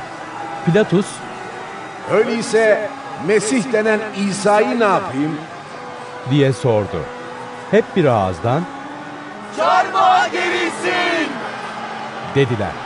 Pilatus O ne kötülük yaptı ki? diye sordu. Onlar ise daha yüksek sesle Çarmıha gerilsin! diye bağırışıp durdular. Pilatus elinden bir şey gelmediğini, tersine bir kargaşalığın başladığını görünce su aldı, kalabalığın önünde ellerini yıkayıp şöyle dedi. Bu adamın kanından ben sorumlu değilim. Bu işe siz bakın. Bütün halk şu karşılığı verdi. Onun kanının sorumluluğu bizim ve çocuklarımızın üzerinde olsun. Bunun üzerine Pilatus onlar için Barabba'yı salıverdi. İsa'yı ise kamçılattıktan sonra çarmıha gerilmek üzere askerlere teslim etti. Sonra valinin askerleri İsa'yı vali konağına götürüp bütün taburu başına topladılar. Onu soyup üzerine kırmızı bir kaftan geçirdiler. Dikenlerden bir taç örüp başına koydular, sağ eline de bir kamış tutturdular. Önünde diz çöküp Selam ey Yahudilerin kralı. diyerek onunla alay ettiler. Üzerine tükürdüler, kamışı alıp başına vurdular. Onunla böyle alay ettikten sonra kaftanı üzerinden çıkarıp kendi giysilerini giydirdiler ve çarmıha germeye götürdüler. Dışarı çıktıklarında Simon adında Kireneli bir adama rastladılar. İsa'nın çarmıhını ona zorla taşıttılar. Golgota yani kafatası denilen yere vardıklarında içmesi için İsa'ya ödle karışık şarap verdiler. İsa bunu tadınca içmek istemedi. Askerler onu çarmıha gerdikten sonra kura çekerek giysilerini aralarında paylaştılar. Sonra oturup yanında nöbet tuttular. Başının üzerine bu Yahudilerin kralı İsa'dır diye yazan bir suç yaftası astılar. İsa ile birlikte biri sağında, öbürü solunda olmak üzere iki haydut da çarmıha gerildi. Oradan geçenler başlarını sallayıp İsa'ya sövüyor, Hani sen tapınağı yıkıp üç günde yeniden kuracaktın? Hadi kurtar kendini. Tanrı'nın oğluysan çarmıhtan in. diyorlardı. Başkahinler, din bilginleri ve ileri gelenler de aynı şekilde onunla alay ederek Başkalarını kurtardı, kendini kurtaramıyor. diyorlardı. İsrail'in kralıymış. Şimdi çarmıhtan aşağı insin de ona iman edelim. Tanrı'ya güveniyordu. Tanrı onu seviyorsa kurtarsın bakalım. Çünkü ben Tanrı'nın oğluyum demişti. İsa ile birlikte çarmıha gerilen haydutlar da ona aynı şekilde hakaret ettiler. Öğleyin 12'den 3'e kadar bütün ülkenin üzerine karanlık çöktü. Saat 3'e doğru İsa yüksek sesle Eli, Eli, lema şevaktani. Yani Tanrım, Tanrım, beni neden terk ettin? diye bağırdı. Orada duranlardan bazıları bunu işitince Bu adam İlyas'ı çağırıyor. dediler. İçlerinden biri hemen koşup bir sünger getirdi, ekşi şaraba batırıp bir kamışın ucuna takarak İsa'ya içirdi. Öbürleri ise Dur bakalım. İlyas gelip onu kurtaracak mı? Dediler. İsa yüksek sesle bir kez daha bağırdı ve ruhunu teslim etti. O anda tapınaktaki perde yukarıdan aşağıya yırtılarak ikiye bölündü. Yer sarsıldı, kayalar yarıldı. Mezarlar açıldı, ölmüş olan birçok kutsal kişinin cesetleri dirildi. Bunlar mezarlarından çıkıp İsa'nın dirilişinden sonra kutsal kente girdiler ve birçok kimseye göründüler. İsa'yı bekleyen yüzbaşı ve beraberindeki askerler depremi ve öbür olayları görünce dehşete kapıldılar Bu gerçekten Tanrı'nın oğluydu. dediler. Orada olup bitenleri uzaktan izleyen birçok kadın vardı. Bunlar Celile'den İsa'nın ardından gelip ona hizmet etmişlerdi.